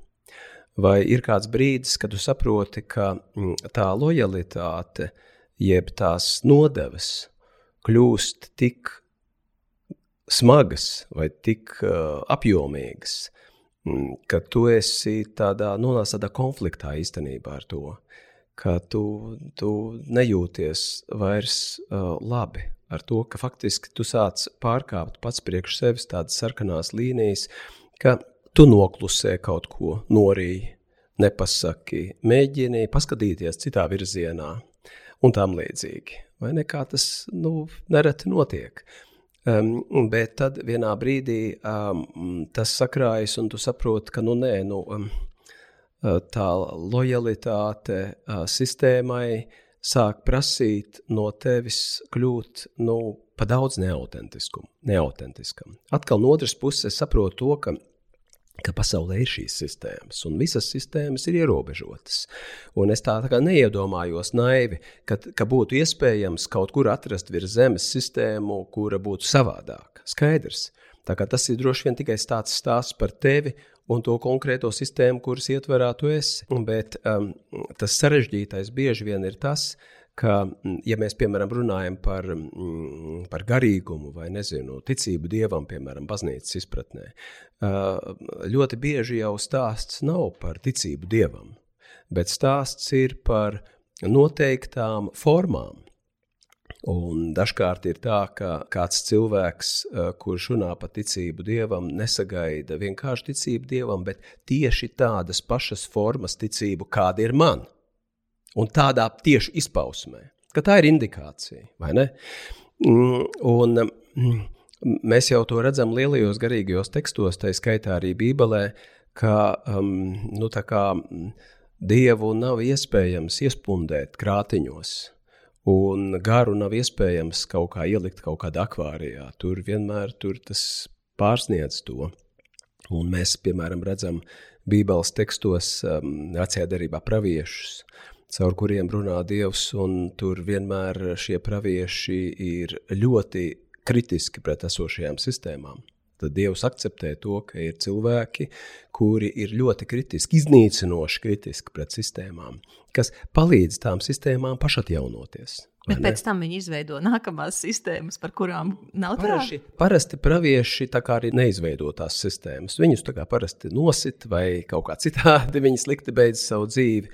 Un tad pēc kādiem dažiem simtiem gadu cilvēks saka, jā, jūs zināt, viņš, viņš dzima mūsu ciemā. Ja?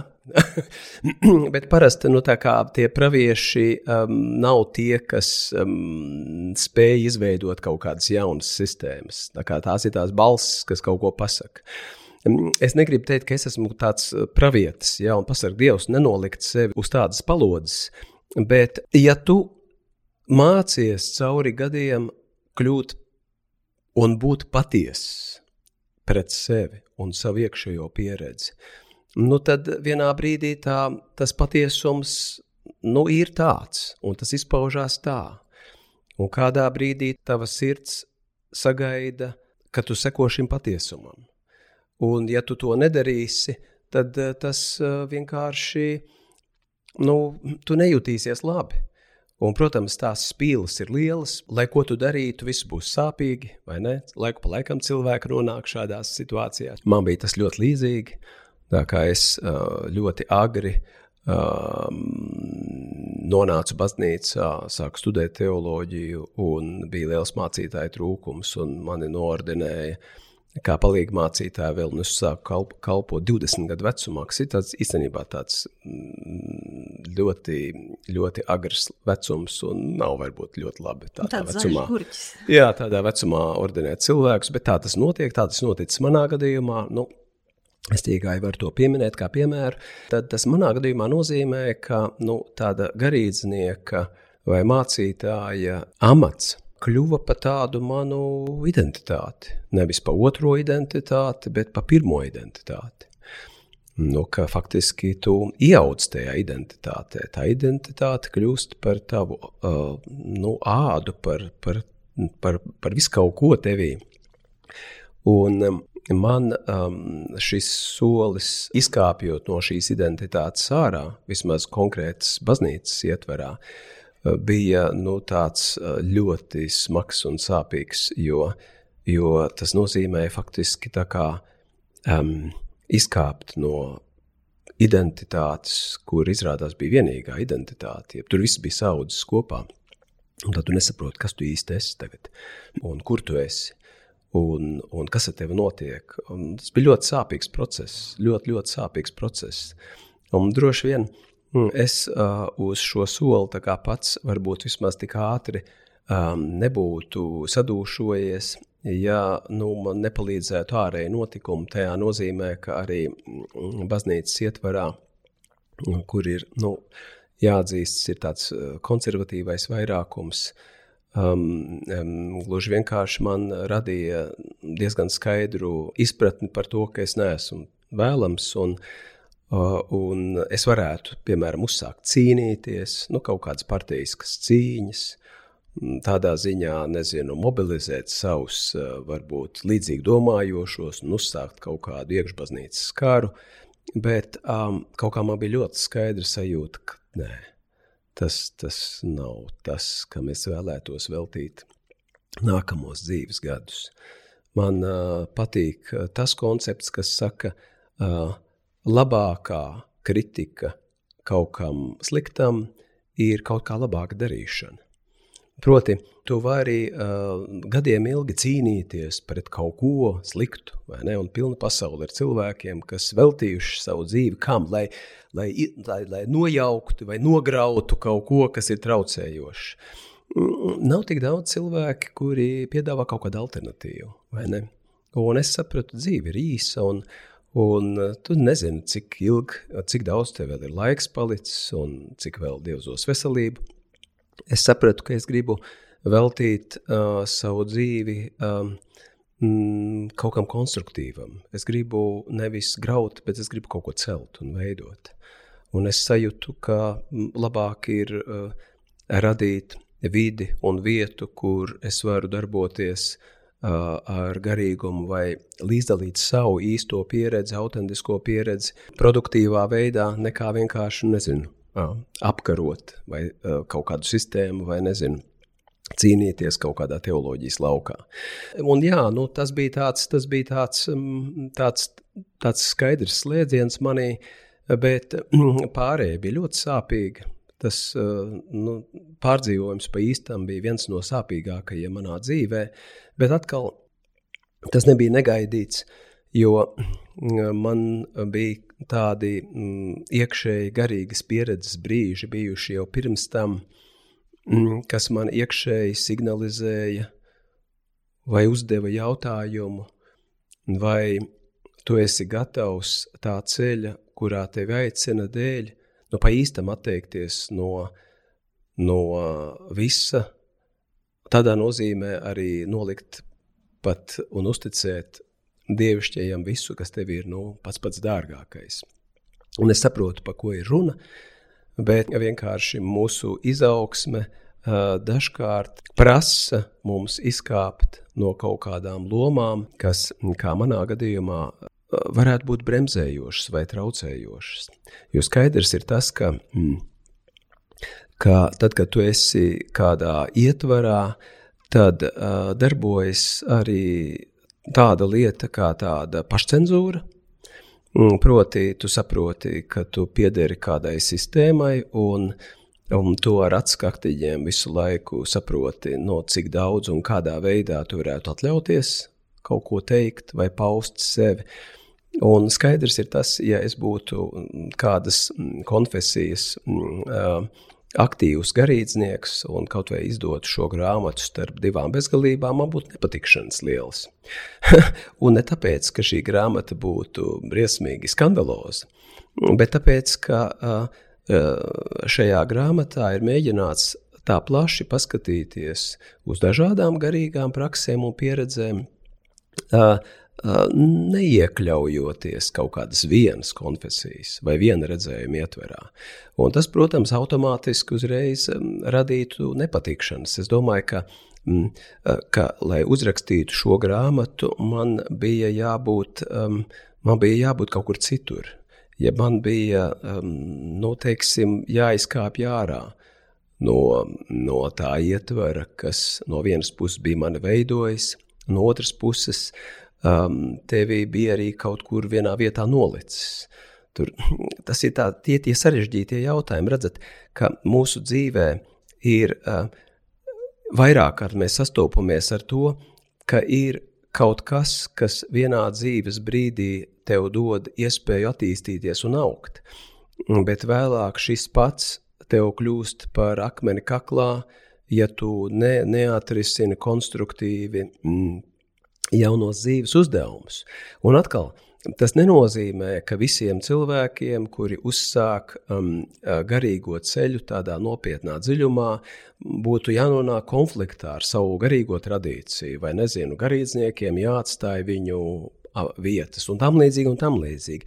To tas nenozīmē. Tas ir stāsts par manu konkrēto gadījumu, manu dzīvi kuru es cenšos arī tajā grāmatā godīgi aprakstīt, nu, kā tas bija manā variantā.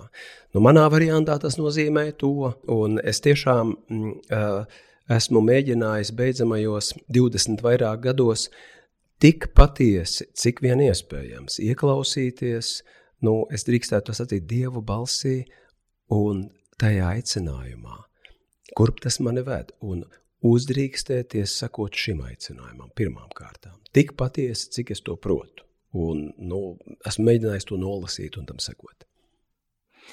Man būs uh, daudz jautājumu par ieklausīšanos, bet pirms es pārēju, gan es, gan arī citi cilvēki, iespējams, vai jau ir bijuši, vai ir, vai būs tāda drosmīga attiecībā uz um, patiesumu pret sevi soļu priekšā. Un viena lieta ir saņemties to soli spērt, un tad viņu spērt, un otra lieta ir īpaši sākumā vai pēc kaut kāda laika sadzīvot ar sekām, tām, kas ir nepatīkamās sekas. Es būtu priecīga, ja tu padalītos tajos sāpīgajos brīžos. Tu teici, tas tā bija viena no tādām sāpīgākajām pieredzēm, tad, kad uznāk tas, es nezinu, vai tas ir sitiens, vai tas ir kaut kāda cita ļoti nepatīkama, diskomforta, sāpīga sajūta, kas palīdzēja viņai tikt cauri. Ja tu vari padalīties ar, nezinu, vai tās ir metodes vai pieeja. Jā, nu, um, vienmēr tajās, tajos brīžos mēs piedzīvojam kaut ko no nāves, no nomiršanas. Kaut kas no līdzinājās dzīves pa īstam nomirst. Tas ir sāpīgi un bēdīgi. Un tu saproti neatgriezeniski. Neatgriezeniski. Un tādā veidā veidojas uh, ietvers, lai varētu piedzimt kaut kas jauns. Grūts man bija tāds periods, kādi vismaz pāris gadi, kas man palīdzēja. Protams, noteiktas prakses, garīgas prakses, kuras um, tevi mudina būt saitē ar savām dzīvēm, dziļu balsi, ar to, kā mēs nolasām dievišķo. Man ir ļoti palīdzējusi meditācija, um, tā ziņā, ka tā palīdz um, labāk filmēt to, kas tevī notiek, būt patiesākam pret sevi un, un saklausīt to dzīļu, kluso balsi, kas skan katrā cilvēkā un kas uh, parasti troksnī nav sadzirdama. Man um, ir uh, uh, palīdzējuši tuvi cilvēki. Es vienmēr esmu pateicīgs Dievam par savām mm, dzīves attiecībām ar savu sievu Ingu. Mēs esam 40 gadus šobrīd kopā, un mm, tā frekvence, kurā mēs uh, drīkstam un spējam viens otru saprast, ir fantastiska. Un es domāju, ka mm, viņa ir cilvēks, kura dažos brīžos man ir tā palīdzējusi, kā reti kurš cilvēks. Proti, izsakot savu kaut kādu autentisko tā brīža sajūtu.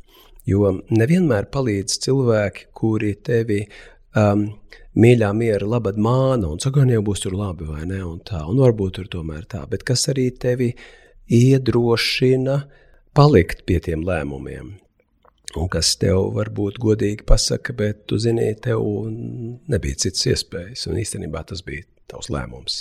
Tā kā mm, es teiktu, garīgās prakses, tuvi cilvēki, bet, protams, ir kaut kas, kas tev pašam šajā brīdī ir jāizdara. Proti, šie grūtie brīži spiež tevi aizvien vairāk tajā dzīļu virzienā, proti, tas, ka tev ir grūti, tas liek pa īstam tev iet uh, tajos ceļos, no kuros vēl nav vietas. Un tāpēc iespējams, ka tas ir to grūto brīžu galvenais arī mērķis, ka faktiski mēs uh, daudz ko nedaram tik ilgi, kamēr mēs pa īstam nenonākam kaktā. Vai ne? Tad, kad mēs tiekam iespiesti kaktā, mēs sākam kaut ko darīt. Un, un es domāju, ka arī mm, daudzi man ir tādi iekšēji meklējumi un, un uh, uzdrošināšanās iet tādos uh, intuitīvi sajustos jaunos ceļos, bija tieši tajā grūtajā brīdī, kad es sapratu, nē, nu, um, Šis ir brīdis, kurš arī man mudina iemācīties kaut ko šo brīdi risinot. Tas nav tā, ka es atrodu, ar to es varēšu tikt galā ar, um, šādā ziņā, tur es tagad nomierināšos, tur man kāds cilvēks pateiks labu vārdu, un es kaut kā ne, izslīdēšu cauri. Nē, nē, nu, beigu beigās tas ir tavs dzīves notikums, ļoti satricinošs. Un šis dzīves notikums faktiski var kļūt arī par labu notikumu, ja tu šķērso nepieciešamas attīstības fāzes šobrīd. Tā kā tas, ko es iedrošinātu arī cilvēkiem, kur atrodas līdzīgās situācijās, nu, tā ir iespēja. Grūts brīdis vienmēr ir iespēja kaut ko jaunu mācīties. Un arī tāds spiediens to jauno mācīties, jo tu nevari citādi tikt galā. Un tad skat, Atskatoties pēc kāda brīža, tu piedzīvo, ka tas ir bijis viens no labākajiem brīžiem tavā dzīvē. Tā kā nu, arī um, uzdrīkstēties pieņemt tādu mikronāves eksperimentu, mūs gatavo lielai nāvei, kas ir mūsu dzīves noslēgumā, šie notikumi, kur mēs laiku pa laikam kaut kādas mazas nāves piedzīvojam, kaut kāds laikmets nomirst, kaut kāds posms nomirst, kaut kāds tavs uzskats nomirst, vai ne? Tas ir visur tur, kur tas notiek pa īstam, tas ir sāpīgi un izaicinoši. Bet mēs mācāmies, ka nāve, jeb tas, kas izskatās kā nāve, vienmēr ir pārēja uz kaut ko citu jaunu. Bet gluži vienkārši, kamēr nav attīrīts tas lauks, kamēr tiešām nenomirst tā vecā sistēma, tu nevari ieraudzīt to jauno. Tā ir tā uzticēšanās, vai ne, kad tu spēr soli tukšumā. Bet es domāju, ka tieši tas ir tas, ko garīgums māca. Un es domāju, ka nu, šajā periodā es esmu diezgan aktīvi mācīts un mācījies šajā virzienā. Juri, tavas attiecības ar tavu sievu Ingu ir kaut kas neparasts, neparasti skaists, ārkārtīgi iedrošinošs. Un mans jautājums būs no tiem cilvēkiem, kuriem nav šāda partnera viņu dzīvē. Un, ja viņi stāv tādās krustcelēs, un ja viņiem ir jāiet šādai grūtai pārmaiņu pieredzēji cauri, un tajā brīdī nav mīlošs cilvēks, saprotošs, ar kuru var pat saprasties no pusvārda, vai kurš tevi tur pie vārda, ko viņiem darīt? Ja mēs paliekam kristīgās garīgās tradīcijas ietverā, bet droši vien to varētu līdzīgi pateikt arī kontekstā ar citām tradīcijām. Tur jau ir stāsts par dieva vai dievišķā klātbūtni. Lai arī tajā brīdī, kad tu esi pilnīgi viens, un nav neviena, kas tevi saprastu, un principā vai negarīgums saka, ir vienmēr vismaz viens, kas tevi saprot. Tik labi, ka tu pat nevari iedomāties, cik labi kāds, kas, kas ir tavas dzīves avots, un tāpēc viņš vai viņa vai tas pazīst tevi tik ļoti un saprot tevi tik ļoti, kā neviens cits. Un tāpēc nu, tādā dziļākā nozīmē neviens cilvēks nav vientuļš. Tā ir, protams, fantastiska iespēja, ja tev var blakus būt, uh, blakus būt saprotošs cilvēks, kas nevienmēr ir mūsu nopelns. Ja pamatā nekad nav nu, varbūt tik ļoti mūsu nopelns, cik daudz dāvana. Jā, nu, mūsu nopelns ir tik daudz, vai mēs atsaucamies tām iespējām sadarboties attiecībās vai nē.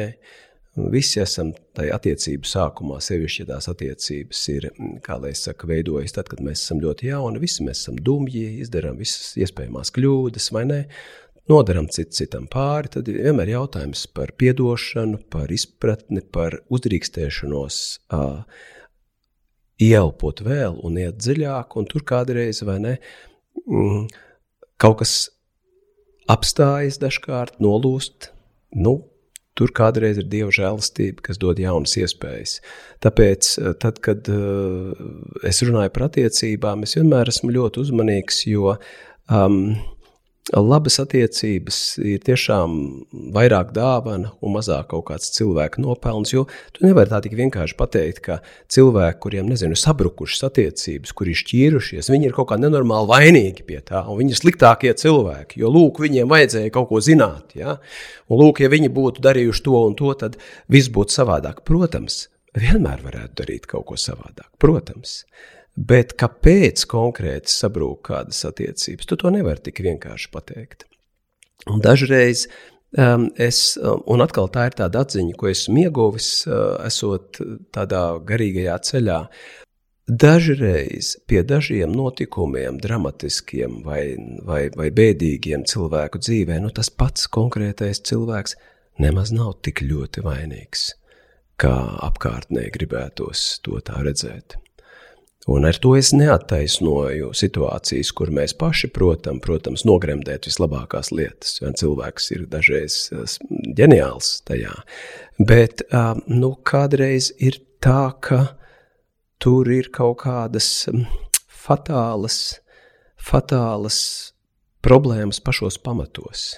Un tu nu nekā, nekā, nekā, nekā nevari to tā kaut kā pagriezt citādi. Un tad tādā gadījumā iespējams arī tādas attiecību krīzes vai drāmas ir kā kaut kādas nopietnas mācību stundas cilvēkam, varbūt šī cilvēka dzīves gadījumā. Tas ir kaut kas vērtīgs, un cilvēks mācās kaut ko svarīgu tajā formā. Respektīvi, man ir svarīgs tas, ko daži autori mēdz saukt par cieņu pret cilvēka likteni. Un atkal ne tādā fatālā nozīmē, ka cilvēkam būtu liktenis kā dzelzceļa sliede, kur viņš no, no, nobrauc vienkārši lejā, vai viņa. Jā, tur ir sava, teiksim, arī mūsu izvēļu iespēja un izvēļu koridors. Bet es domāju, to vārdu cieņa pret cilvēku likteņu, likteni ir tas, ka tu nebāzies virsū ar saviem konceptiem, domādams, ka tu labāk saproti, kā cilvēkam ir jādzīvo, un, un tagad tu tur tagad uzliksi savu kasti tam cilvēkam uz galvas. Paga, paga ja tu pa īstam gribi palīdzēt cilvēkam, tev ir ļoti, ļoti smalki jāsajūt šis cilvēks un jāciena tas noslēpumainais ceļš, kas īstenojas tieši šī cilvēka dzīvē, vai ne? Un tas nav tik vienkārši. To tā, ka tu vienkārši kalibrē un saki, ah, tas ir, ir kaut kāda piecas kastītes, un tu vienkārši sakalibrē to. Tas tā nav. Un, um, līdz ar to katrs cilvēks, tas ir arī tāds ne, noslēpums, katrs cilvēks ir mudināts um, augt un attīstīties tās dzīves ietvarā, kāda nu ir. Nesen noskatījos, mēs noskatījāmies ar Ingu uh, Netflixā filmu um, Rietumfrontē bez pārmaiņām. Tā jaunā vācu filma, dramatiska filma um, pēc remarka romāna. Um, nu, nu tāda, ka tu noskaties un tev kādu laiku tu, tu paliec tās filmas ietverā, nu tā kā noskaņā.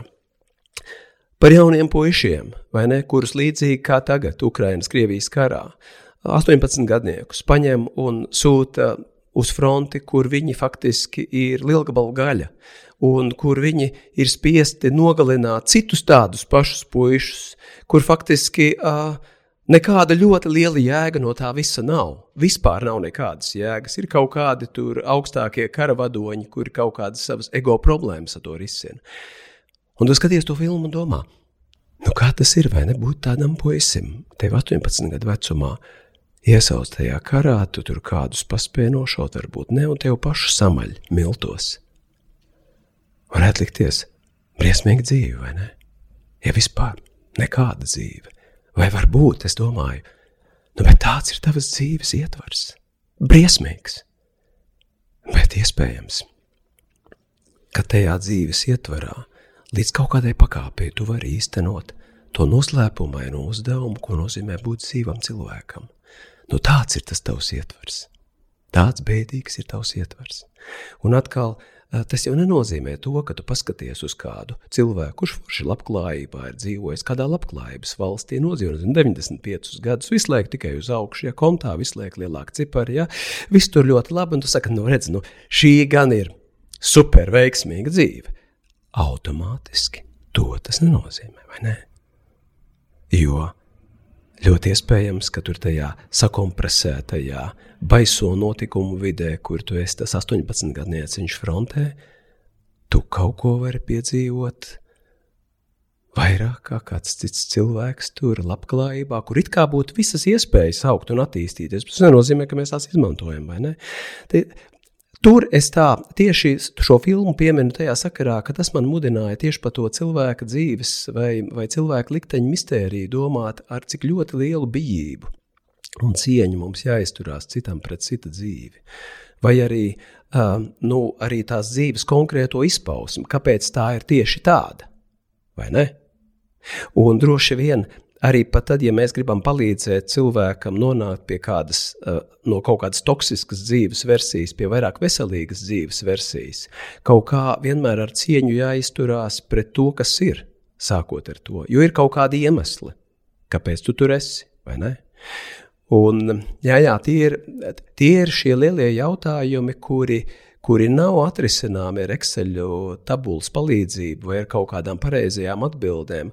Tas ir stāsts par sajūtām, un, un redz, tas ir iemesls, ka garīgums dziļākajā nozīmē ir nonākšana kaut kādā pieredžu un sajūtu. Es nedomāju šeit emocionāls sajūtas, bet tāds eksistenciāls sajūtas līmenī, kuras tev kaut ko var atklāt. Tieši tur runā par lietu, kur man svarīgi tev jautāt.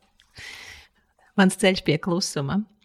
Dažkārt sajūtu nepieciešamību ilgstoši atkārtot vienu teikumu, kas manī iekustināja kādus dziļākus procesus. Mani bija pārņēmusi izmisuma pilna sajūta, ka kaut kas ir beidzies, kāds dzīves posms ir miris, bet man nebija nekādas izpratnes par to, kas varētu sekot. Es lasu atsevišķas frāzes no, no visa teksta un uzdošu jautājumu.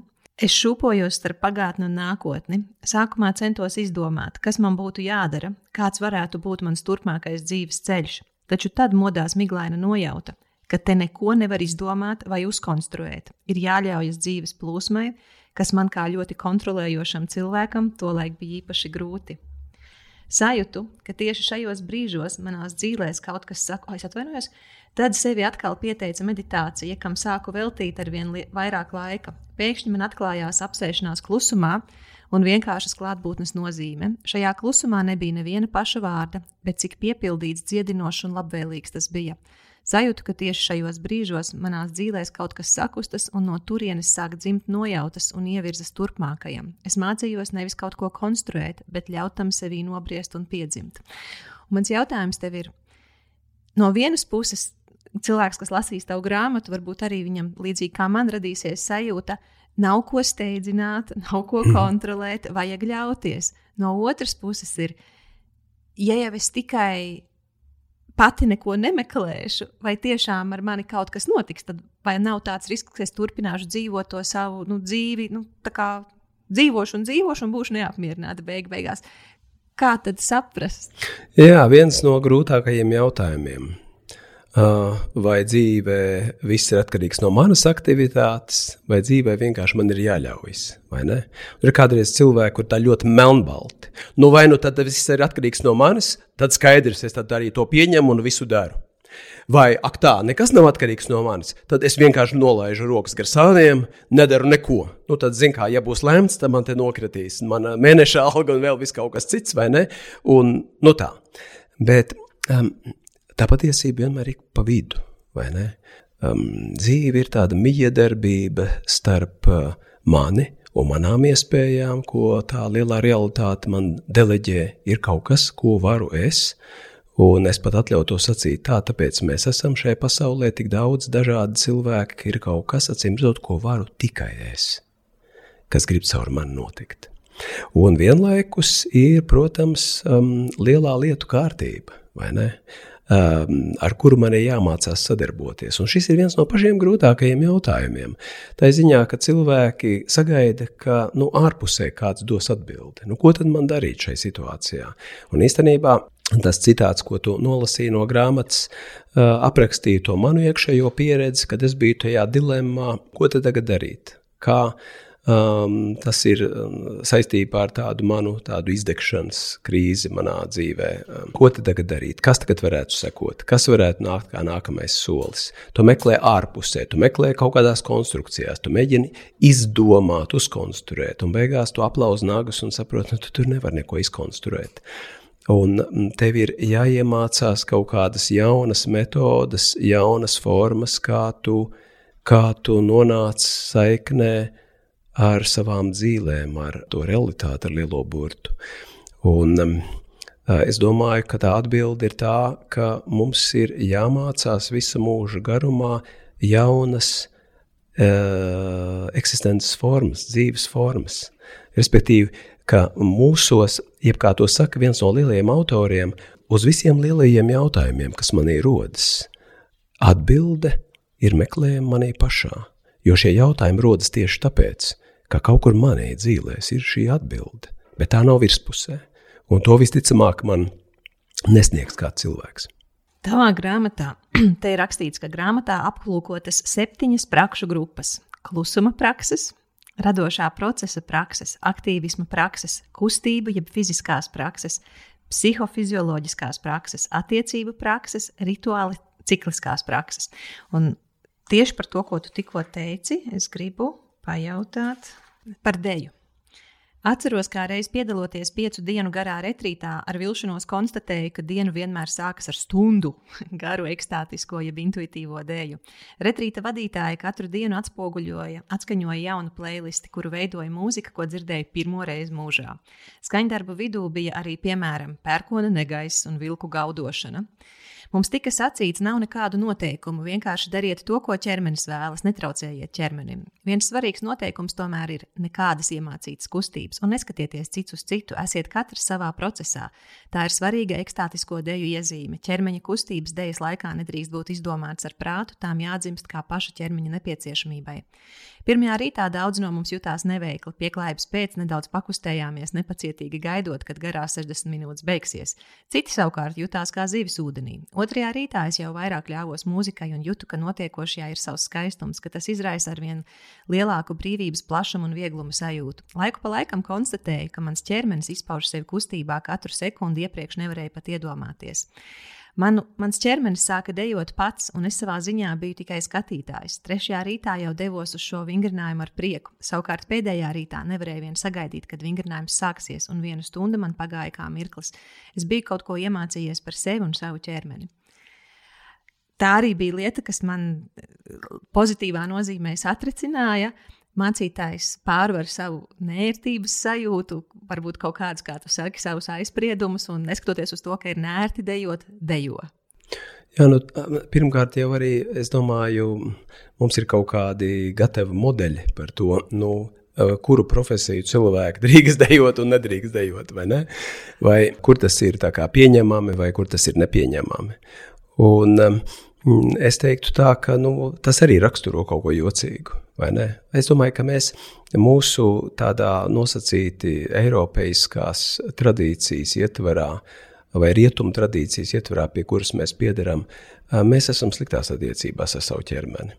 Un mēs tā kā saredzam uh, savu pienākumu būt bargam pavēlniekam pret to ķermeni. Ķermenis ir tā tāds pakļautais, uh, nezinu, dzīvnieciņš, kuru mēs stingri ieliekam rāmjos, neļaujam nekādu pār, pārmērīgu brīvību. Un, un, nu, tikai atļautos kaut kādos apgabalos un vadām ar dzelzceļa roku uz priekšu. Bet uh, arī ķermenis ir uh, tāda ļoti, ļoti uh, kādreiz neiepazīta teritorija vai pasaule. Un um, dažkārt mēs tikai dzīves vidū mācāmies uh, ieklausīties ķermenī vai sajust, kā ķermenis mums var palīdzēt arī kādreiz pie dažādiem lēmumiem vai risinājumiem. Mūsdienās, beidzamos 20 gadus, mēdz runāt par tādu jēdzienu kā ķermeņa inteligence, ķermeņa gudrība, ķermeņa atmiņa. Ķermenim ir ļoti specifiskas, kā lai saka, prasmes, kuras iekļaujot, mēs iegūstam, nevis zaudējam. Un es šeit vienkārši aprakstu savu pieredzi, nu, kādā veidā, kādā veidā kādreiz tev ir jāspēr solis sākumā kādā vingrinājumā, tas, starp citu, bieži notiek, par kuru tev var likties, tas nav tiešām man, tas ir kaut kas, ko es negribu, tas man neizdodas, es zinu, to man nevajag. Un dažreiz, jo cietāk ir šī pārliecība, jo vairāk iespējams tas tev ir vajadzīgs. Ziniet, kā cilvēkam dzīve dzīvojot, ir tā, mēs paskatāmies, nu tas apmēram mums varētu derēt, šis noteikti nekad. Um, es mudinu pievērst uzmanību tām dzīves jomām, par kurām mums liekas, nu tur tas gan nekad. Tur ļoti bieži zem tās liepjas kaut kas, ko mēs paši no sevis atraidām, vai ko tā ekosistēma vienkārši ir nolikusi zem akmeņa, kā tādu bīstamu lietu, kas varētu transformatīvi pārveidot mūsu dzīvi. Jā, un es vienkārši dalos savā pieredzē, cik interesantus atklājumus tu vari atklāt pats sevī, ja tu uzdrīksties izkāpt ārā no savām aprastajām teritorijām un uzdrīksties ieiet iekšā kaut kādās jaunās teritorijās. Tādi retrīti, starp citu, tādā ziņā ir ļoti vērtīgi, jo, protams, tie var būt ļoti dažādas formas, bet kad, katrā retrītā gan arī vienmēr ir kaut kas, kas liktos, jā, to es labprāt darītu, un tas rezonē ar mani, un kaut kas, nu, te tagad es esmu spiests iziet kaut kur ārpus savas ierastās teritorijas. Un dažreiz tieši tā ir šī retrīta vērtība, ka tu uh, iepazīsties, ieskaties, sajūti uh, teritorijas savā dzīvē, kuras kaut kāda iemesla dēļ bijušas aizslēgtas, un piepeši uh, iegūsti kaut ko ļoti svarīgu. Tu grāmatā aprakstīji vairākas uh, prakses, kas tev ir bijušas neierastas. Um, par dzēnbudismu, piemēram, tas Šveicē tā dikti raksturīgi ir jā, par šo starpreģiģiju dialogu, un ka tev esot šajā lasāla namā, ja nemaldos, ja, bija jāpiedzīvo, ko tas nozīmē, ka tu tagad praktizē nevis kristietībā pieņemtus rituālus, bet uh, praktizē dzēnbudismā pieņemtus rituālus, un cik ļoti tavs iekšējais kā, pretojās. Es vispār nezinu, nu, tā kā paskaidro visus iemeslus, kāpēc tev to nevajadzētu darīt, bet tu tomēr pārvari sevi un dari. Uh, Citā epizodē atkal tu dalies ar radošo, radošajām praksēm, kā iztēlošanās, vizuālais arī nav tāda tava dabiskā vieta, kā tu sacīji. Es klausos, tu, tu klausies, ko cits stāsta par tām savām vizualizācijām, un liekas, oi, nu man jau tur nekā nav. Un neskatoties uz to, ka nekā nav un nekas nesanāk, tu tik un tā ļaujies tām praksēm un rīkojies un dari. Un viena būtiska lieta, kas attiecās uz tavu grāmatu, jo es pamanīju, ka Grāmat, grāmata man ir. Es izlasīju, es izlasīju, eh, lielākoties es pie, sākumā pievērsos tavam stāstam. Tas, eh, tas tā, jo nu, to, to es varu visu uzreiz izsekot. Prakses, ja tagad es lasu praksi, man taču viņi ir jādara uzreiz. Ja? Tāpēc es tām praksēm lecu pāri. Uh, paskatoties, jā, tas labi, tas labi, es kaut kad pieķeršos. Jā, šis ļoti interesants. O, oh, mācītājs to arī izdarīt. Noteikti. Uh, mācītājam pieredze ar, ar, ar, ar tēliem un ar tas brieža stāsts, ļoti skaists stāsts, ir interesants. Uh, Un uh, tagad, kad es gatavojos mūsu sarunai, es tā pastījos, no nu, Laura, gads, vairāk kā gads ir pagājis. Cik no šīm praksēm es izdarījusi? Ja? Joprojām gribu, visu gribu, viss patīk, viss interesē. Jā, kaut kas būs bailīgs, bet es tam iešu cauri. Bet nu, tā es to grāmatu nebiju atvērusi no iepriekšējās reizes līdz šai. Un tas, ko tu raksti, ka dzīve apstiprina kādu vienkāršu patiesību. Mūs nemaina tas, ko zinām, bet tas, ko darām. Vairumā gadījumu lielākā problēma ir nevis tā, ka mēs par maz zinātu, lai gan daži tomēr zina par maz, bet gan tā, ka neprotam savas zināšanas konvertēt reālā rīcībā. Mūs maina tas, ko mēs darām. Mēs esam dzīves notikumu un to radīto pārliecību veidojums. Apziņas virspusē mēs kaut ko darām vai nedarām, pieņemam vai noliedzam, bieži vien pat nenojaušot, ka mūsu aiz diedziņa rausta kas tāds, kas slēpjas apziņas dzīvēs. Labas garīgās prakses spēj aizsniegties līdz šai parasti neredzamajai daļai, ļaujot to uztvert plašāk un apzināties pamatīgāk. Tā soli pa solim veidojas viengabalaināka dzīve un vienotāks cilvēks. Ja asimetrija starp zināšanām un reālo dzīvi kļūst pārāk liela, tā vienmēr sāk cilvēku plosīt. Lai mūsu dzīvē notiktu pārmaiņas, mums ir jāmaina savi ieradumi. Savukārt ieradumus maina regulāras darbības, prakse, vingrinājumi. Pretējā gadījumā mēs visu mūžu nodzīvojam ar vēlmi kaut ko mainīt, bet tā arī nekad šo neīstenojam. Tā mēdz notikt dzīves vidū. Dažkārt mēs esam spiesti to beidzot atzīt, un tad dažkārt tādas nopietnas darbības vai uzdrīkstēšanās kaut ko pa īstam sākt praktizēt, tās sasniedz mūsu dzīves vidū. Jā, tas dzīves vidus ir tāds interesants brīdis, kā to daudz autori apraksta. Dzīves pirmajā daļā mēs vairāk cenšamies pielāgoties ārējai pasaulē, tur ārējie kairinājumi ļoti spēcīgi, vai ne, un mēs gribam um, Uh, iekļauties kaut kādā modusā, mums ir kaut kādi izraudzīti modeļi, apmēram kā es gribētu izskatīties, kāda varētu būt mana dzīve un tam līdzīgi. Un, um, nu, dzīves vidū ir daži tie pirmie skrējieni, izskrieti, dzīve, nu, ja tā varētu teikt, tas varbūt pirmais um, izsalkums apmierināts, nu, veiksmīgāk, mazāk veiksmīgi. Un, uh, tad tu konstatē arī pat tad, ja tas uh, izsalkums ir kaut kā apmierināts, ka uh, vesela virkne tēmu nav nekādā veidā atrisinātas. Un faktiski jautājums par to, kā tu tur dzīvēs jūties, pa īstam nav atkarīgs no uh, nu, teiksim, tiem ārējiem parametriem. Nu, protams, vai ne, ja tu dzīvo zem tilta, vai tu dzīvo, teiksim, privātā mājā vai kādā dzīvoklī, ir starpība, skaidrs. Bet, um, bet tad, ja principā, nu, um, Tev pajumti ir, darbs tev ir, tev ir ģimene un daudz maz kaut kā situēta, stabilizēta dzīve. Tas viss ir ļoti daudz, Um, tu pats vari parūpēties par sevi, tu pats vari nopelnīt sev, tu esi spējīgs izveidot kaut kādas attiecības, redz, tu jau esi diezgan nobriedzis. Bet uh, stāsts vienmēr ir uh, par to otro briedumu, par kuru mēdz runāt vairāk autori, uh, uh, kas uh, nāk tad, kad tu beidzot pamosties savai iekšējai pasaulē un tiem jautājumiem, kuri parasti piedzimst tikai dzīves vidū. Par ko ir šis stāsts? Jā, nu, ietvers skaidrs. mēs gribam uztaisīt kaut kādu ietvaru, mēs gribam uh, izveidot uh, vienu vai otru veidu dzīvi, skaidrs. Bet par ko ir tas stāsts? Kas tur iekšā notiek? Tajā mājiņā, sapņu, ko tu esi uzbūvējis. Un tāpēc dzīves vidus ir tāds nemierīgs brīdis. Protams, tas nav chronoloģisks brīdis, tas nesaistās ar noteiktu vecumu sasniegšanu, bet tas saistās ar ar tādu drīzāk, tādu eksistenciālu briedumu, bet caurmērā daudz maz tas ir apmēram starp 35 un 45, ka mēs piedzīvojam, ka no vienas puses daudz kas ir, un otras puses kaut kas fundamentāli trūkst un nav. Respektīvi, ir nu, tāda dziļa neapmierinātība ar dzīvi. Tu pat nevari saprast, no kurienes tā rodas, Un eh, tā neapmierinātība parasti ir tāda ieejas biļete nākamajā dzīves daļā. Respektīvi, tad, kad tu jūti, um, ka kaut kas trūkst, un kā es varētu reaģēt uz to, kas trūkst. Tur, protams, ir visādi arī maldas ceļi, kurus mēs varam iztaigāt, mēģināt turpināt nomainīt ārējos parametrus, bet īstenībā tas ir stāsts par iekšējo pasauli. Bet, bet ir taisnība.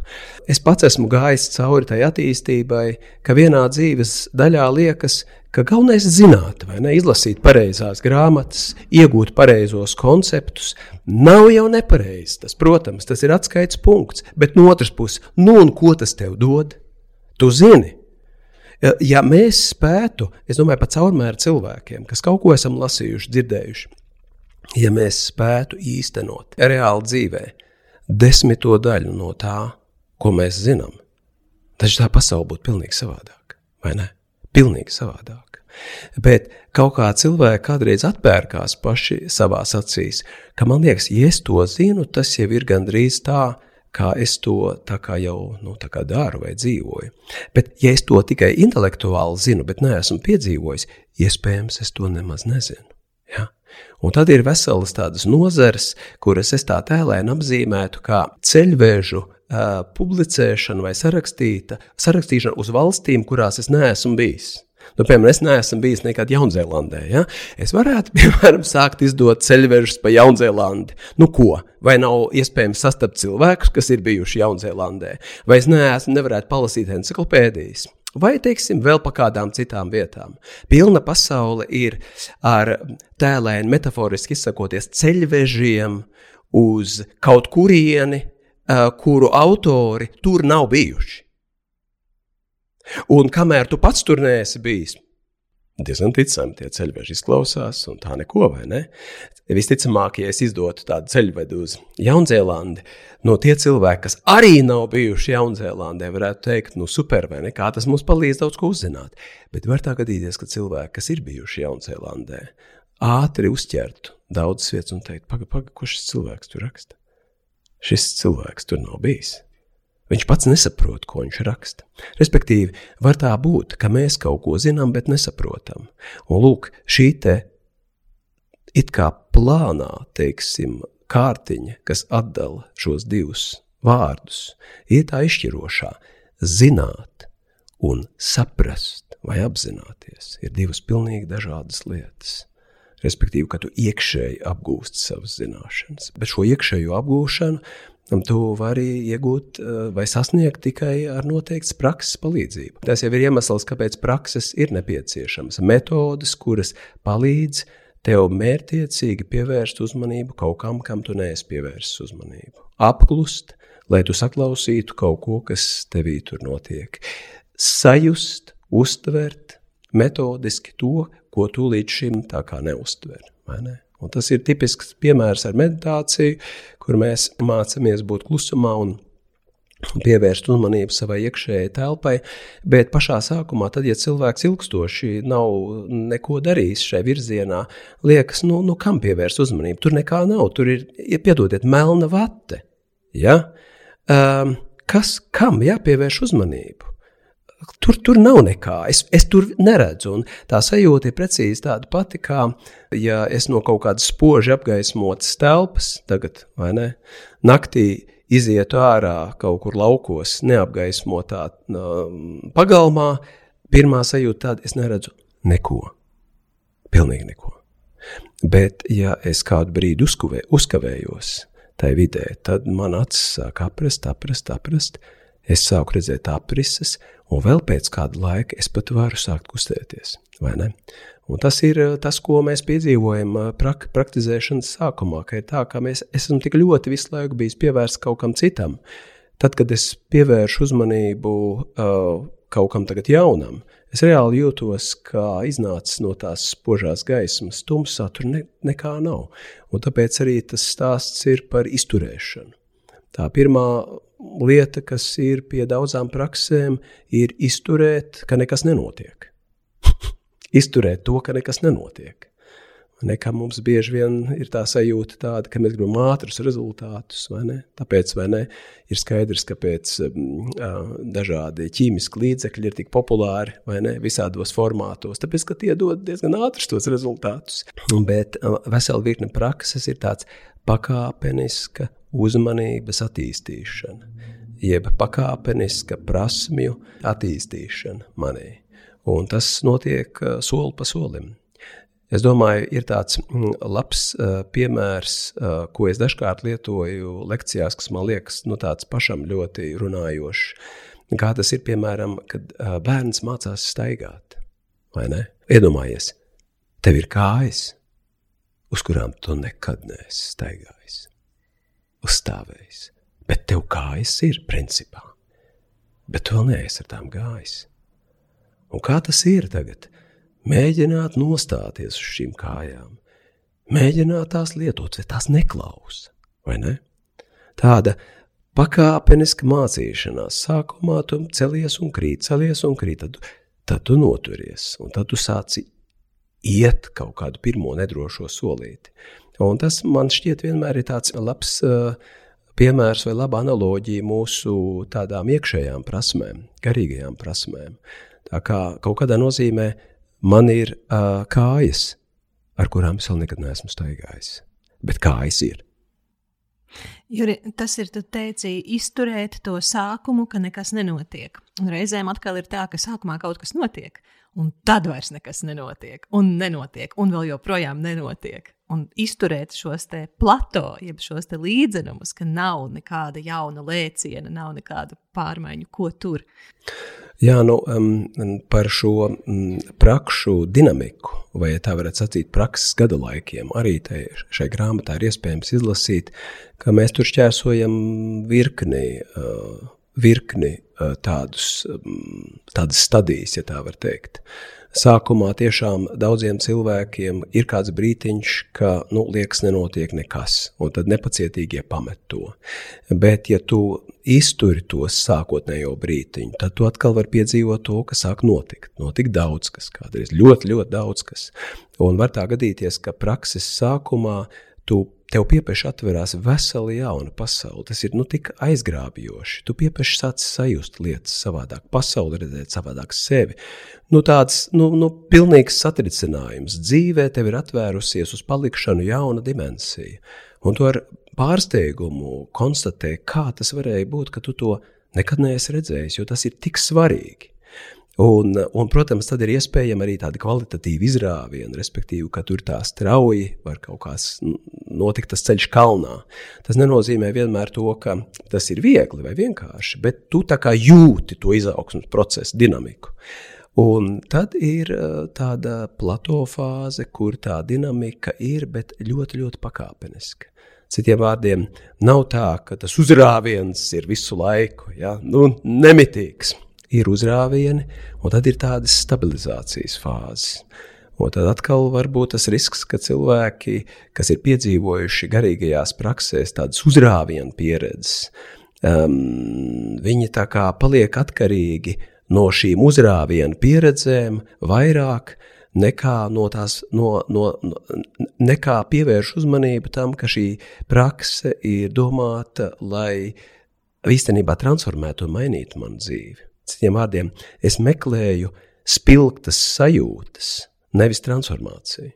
Un tur es tā kā tajā grāmatā pieminu tās klasiskās kļūdas, kuras mēs izdarām. Un, un acīm redzot, gandrīz visi cilvēki parasti tās kļūdas izdara. Tas arī nav nekas tāds dramatisks. Drīzāk tās kļūdas ir tā kā tāda procesa daļa. Tās nav jāuztver kā kaut kas ļoti briesmīgs, bet es domāju, ka tās klasiskās kļūdas, kuras mēs visi izdarām, ja mēs tajās pamostamies, atjēdzamies, apgūstam, tad mēs varam spērt tādu redzīgu soli tālāk. Man ir tā, ka man ir ļoti grūti šobrīd, tāpēc ka mūsu sarunas laiks beidzās. Es esmu tev pajautājusi vienu tūkstošo daļu no tā, ko es gribu tev pajautāt. Um, es esmu ļoti laimīga par tavu grāmatu starp divām bezgalībām.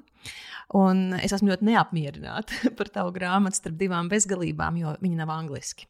Es priecājos, ka viņi ir latviešu, pilnīgi noteikti, bet man jau nav ko iedot manam vīram, lai mēs mm. abi zinām vienu un to pašu. Kad viņi būs angliski? Jā, nu, atbildē neatbildam īstenībā. Nu, tas jau nav atkarīgs tikai no manis, tas nav atkarīgs um, no Latvijas apgādiem. Tas ir atkarīgs droši vien no ļoti daudz kā. Pasaulē, kā mēs saprotam, iznāk ļoti daudz grāmatas, vai ne? Un, no mazām valstīm nonākt kādam autoram lielos ūdeņos īstenībā ir diezgan sarežģīti. Jo lielās valodas, nezinu, angļu vai vācu valodas vai spāņu valodas jūtas ļoti pašpietiekams.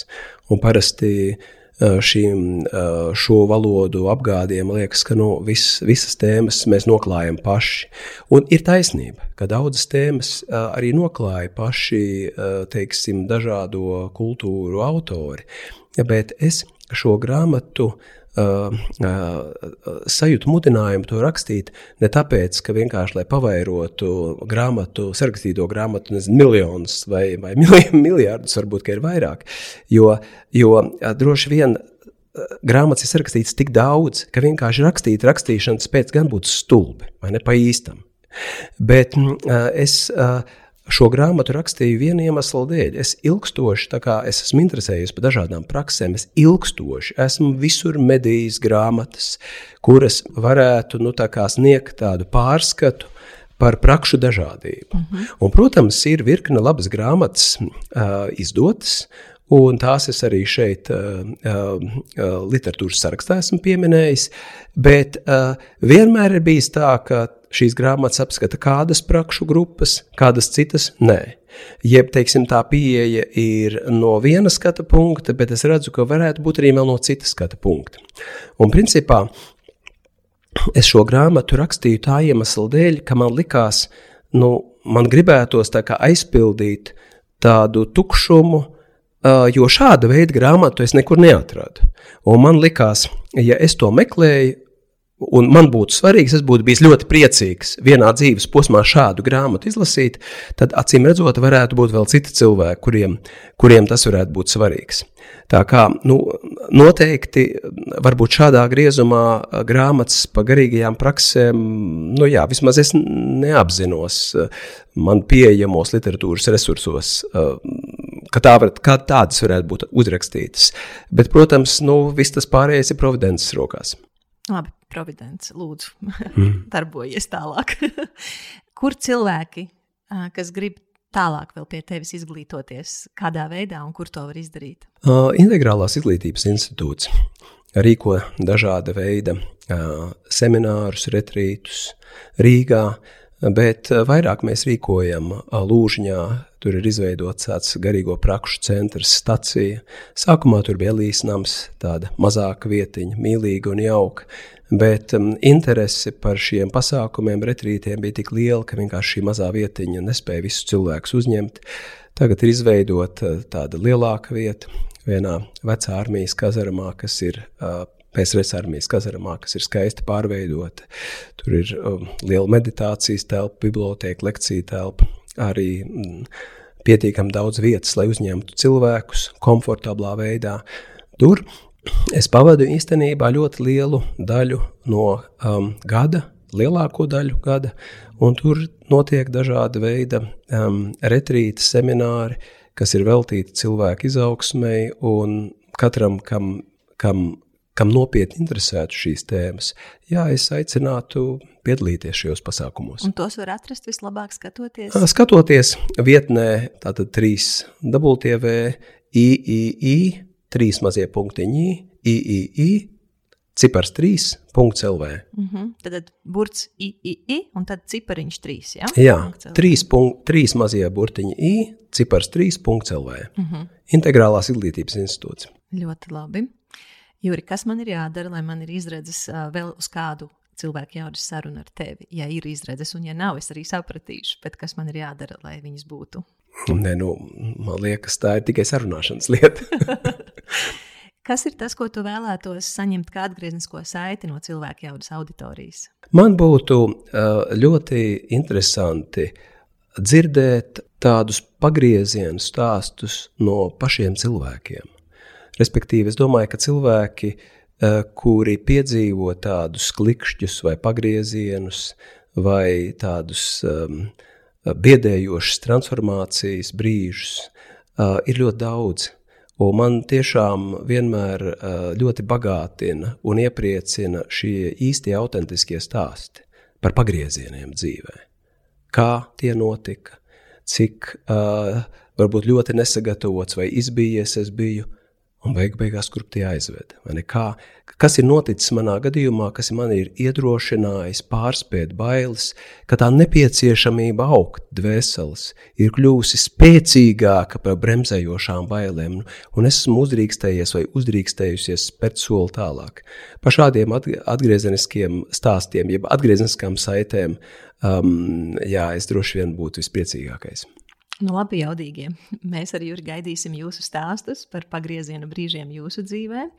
Un es arī lūkšu, sūti, ja tu vēlies Jūri šeit redzēt vēlreiz, sūti savus jautājumus, kurus tev ir svarīgi, lai Jūris atbildētu nākamajā reizē.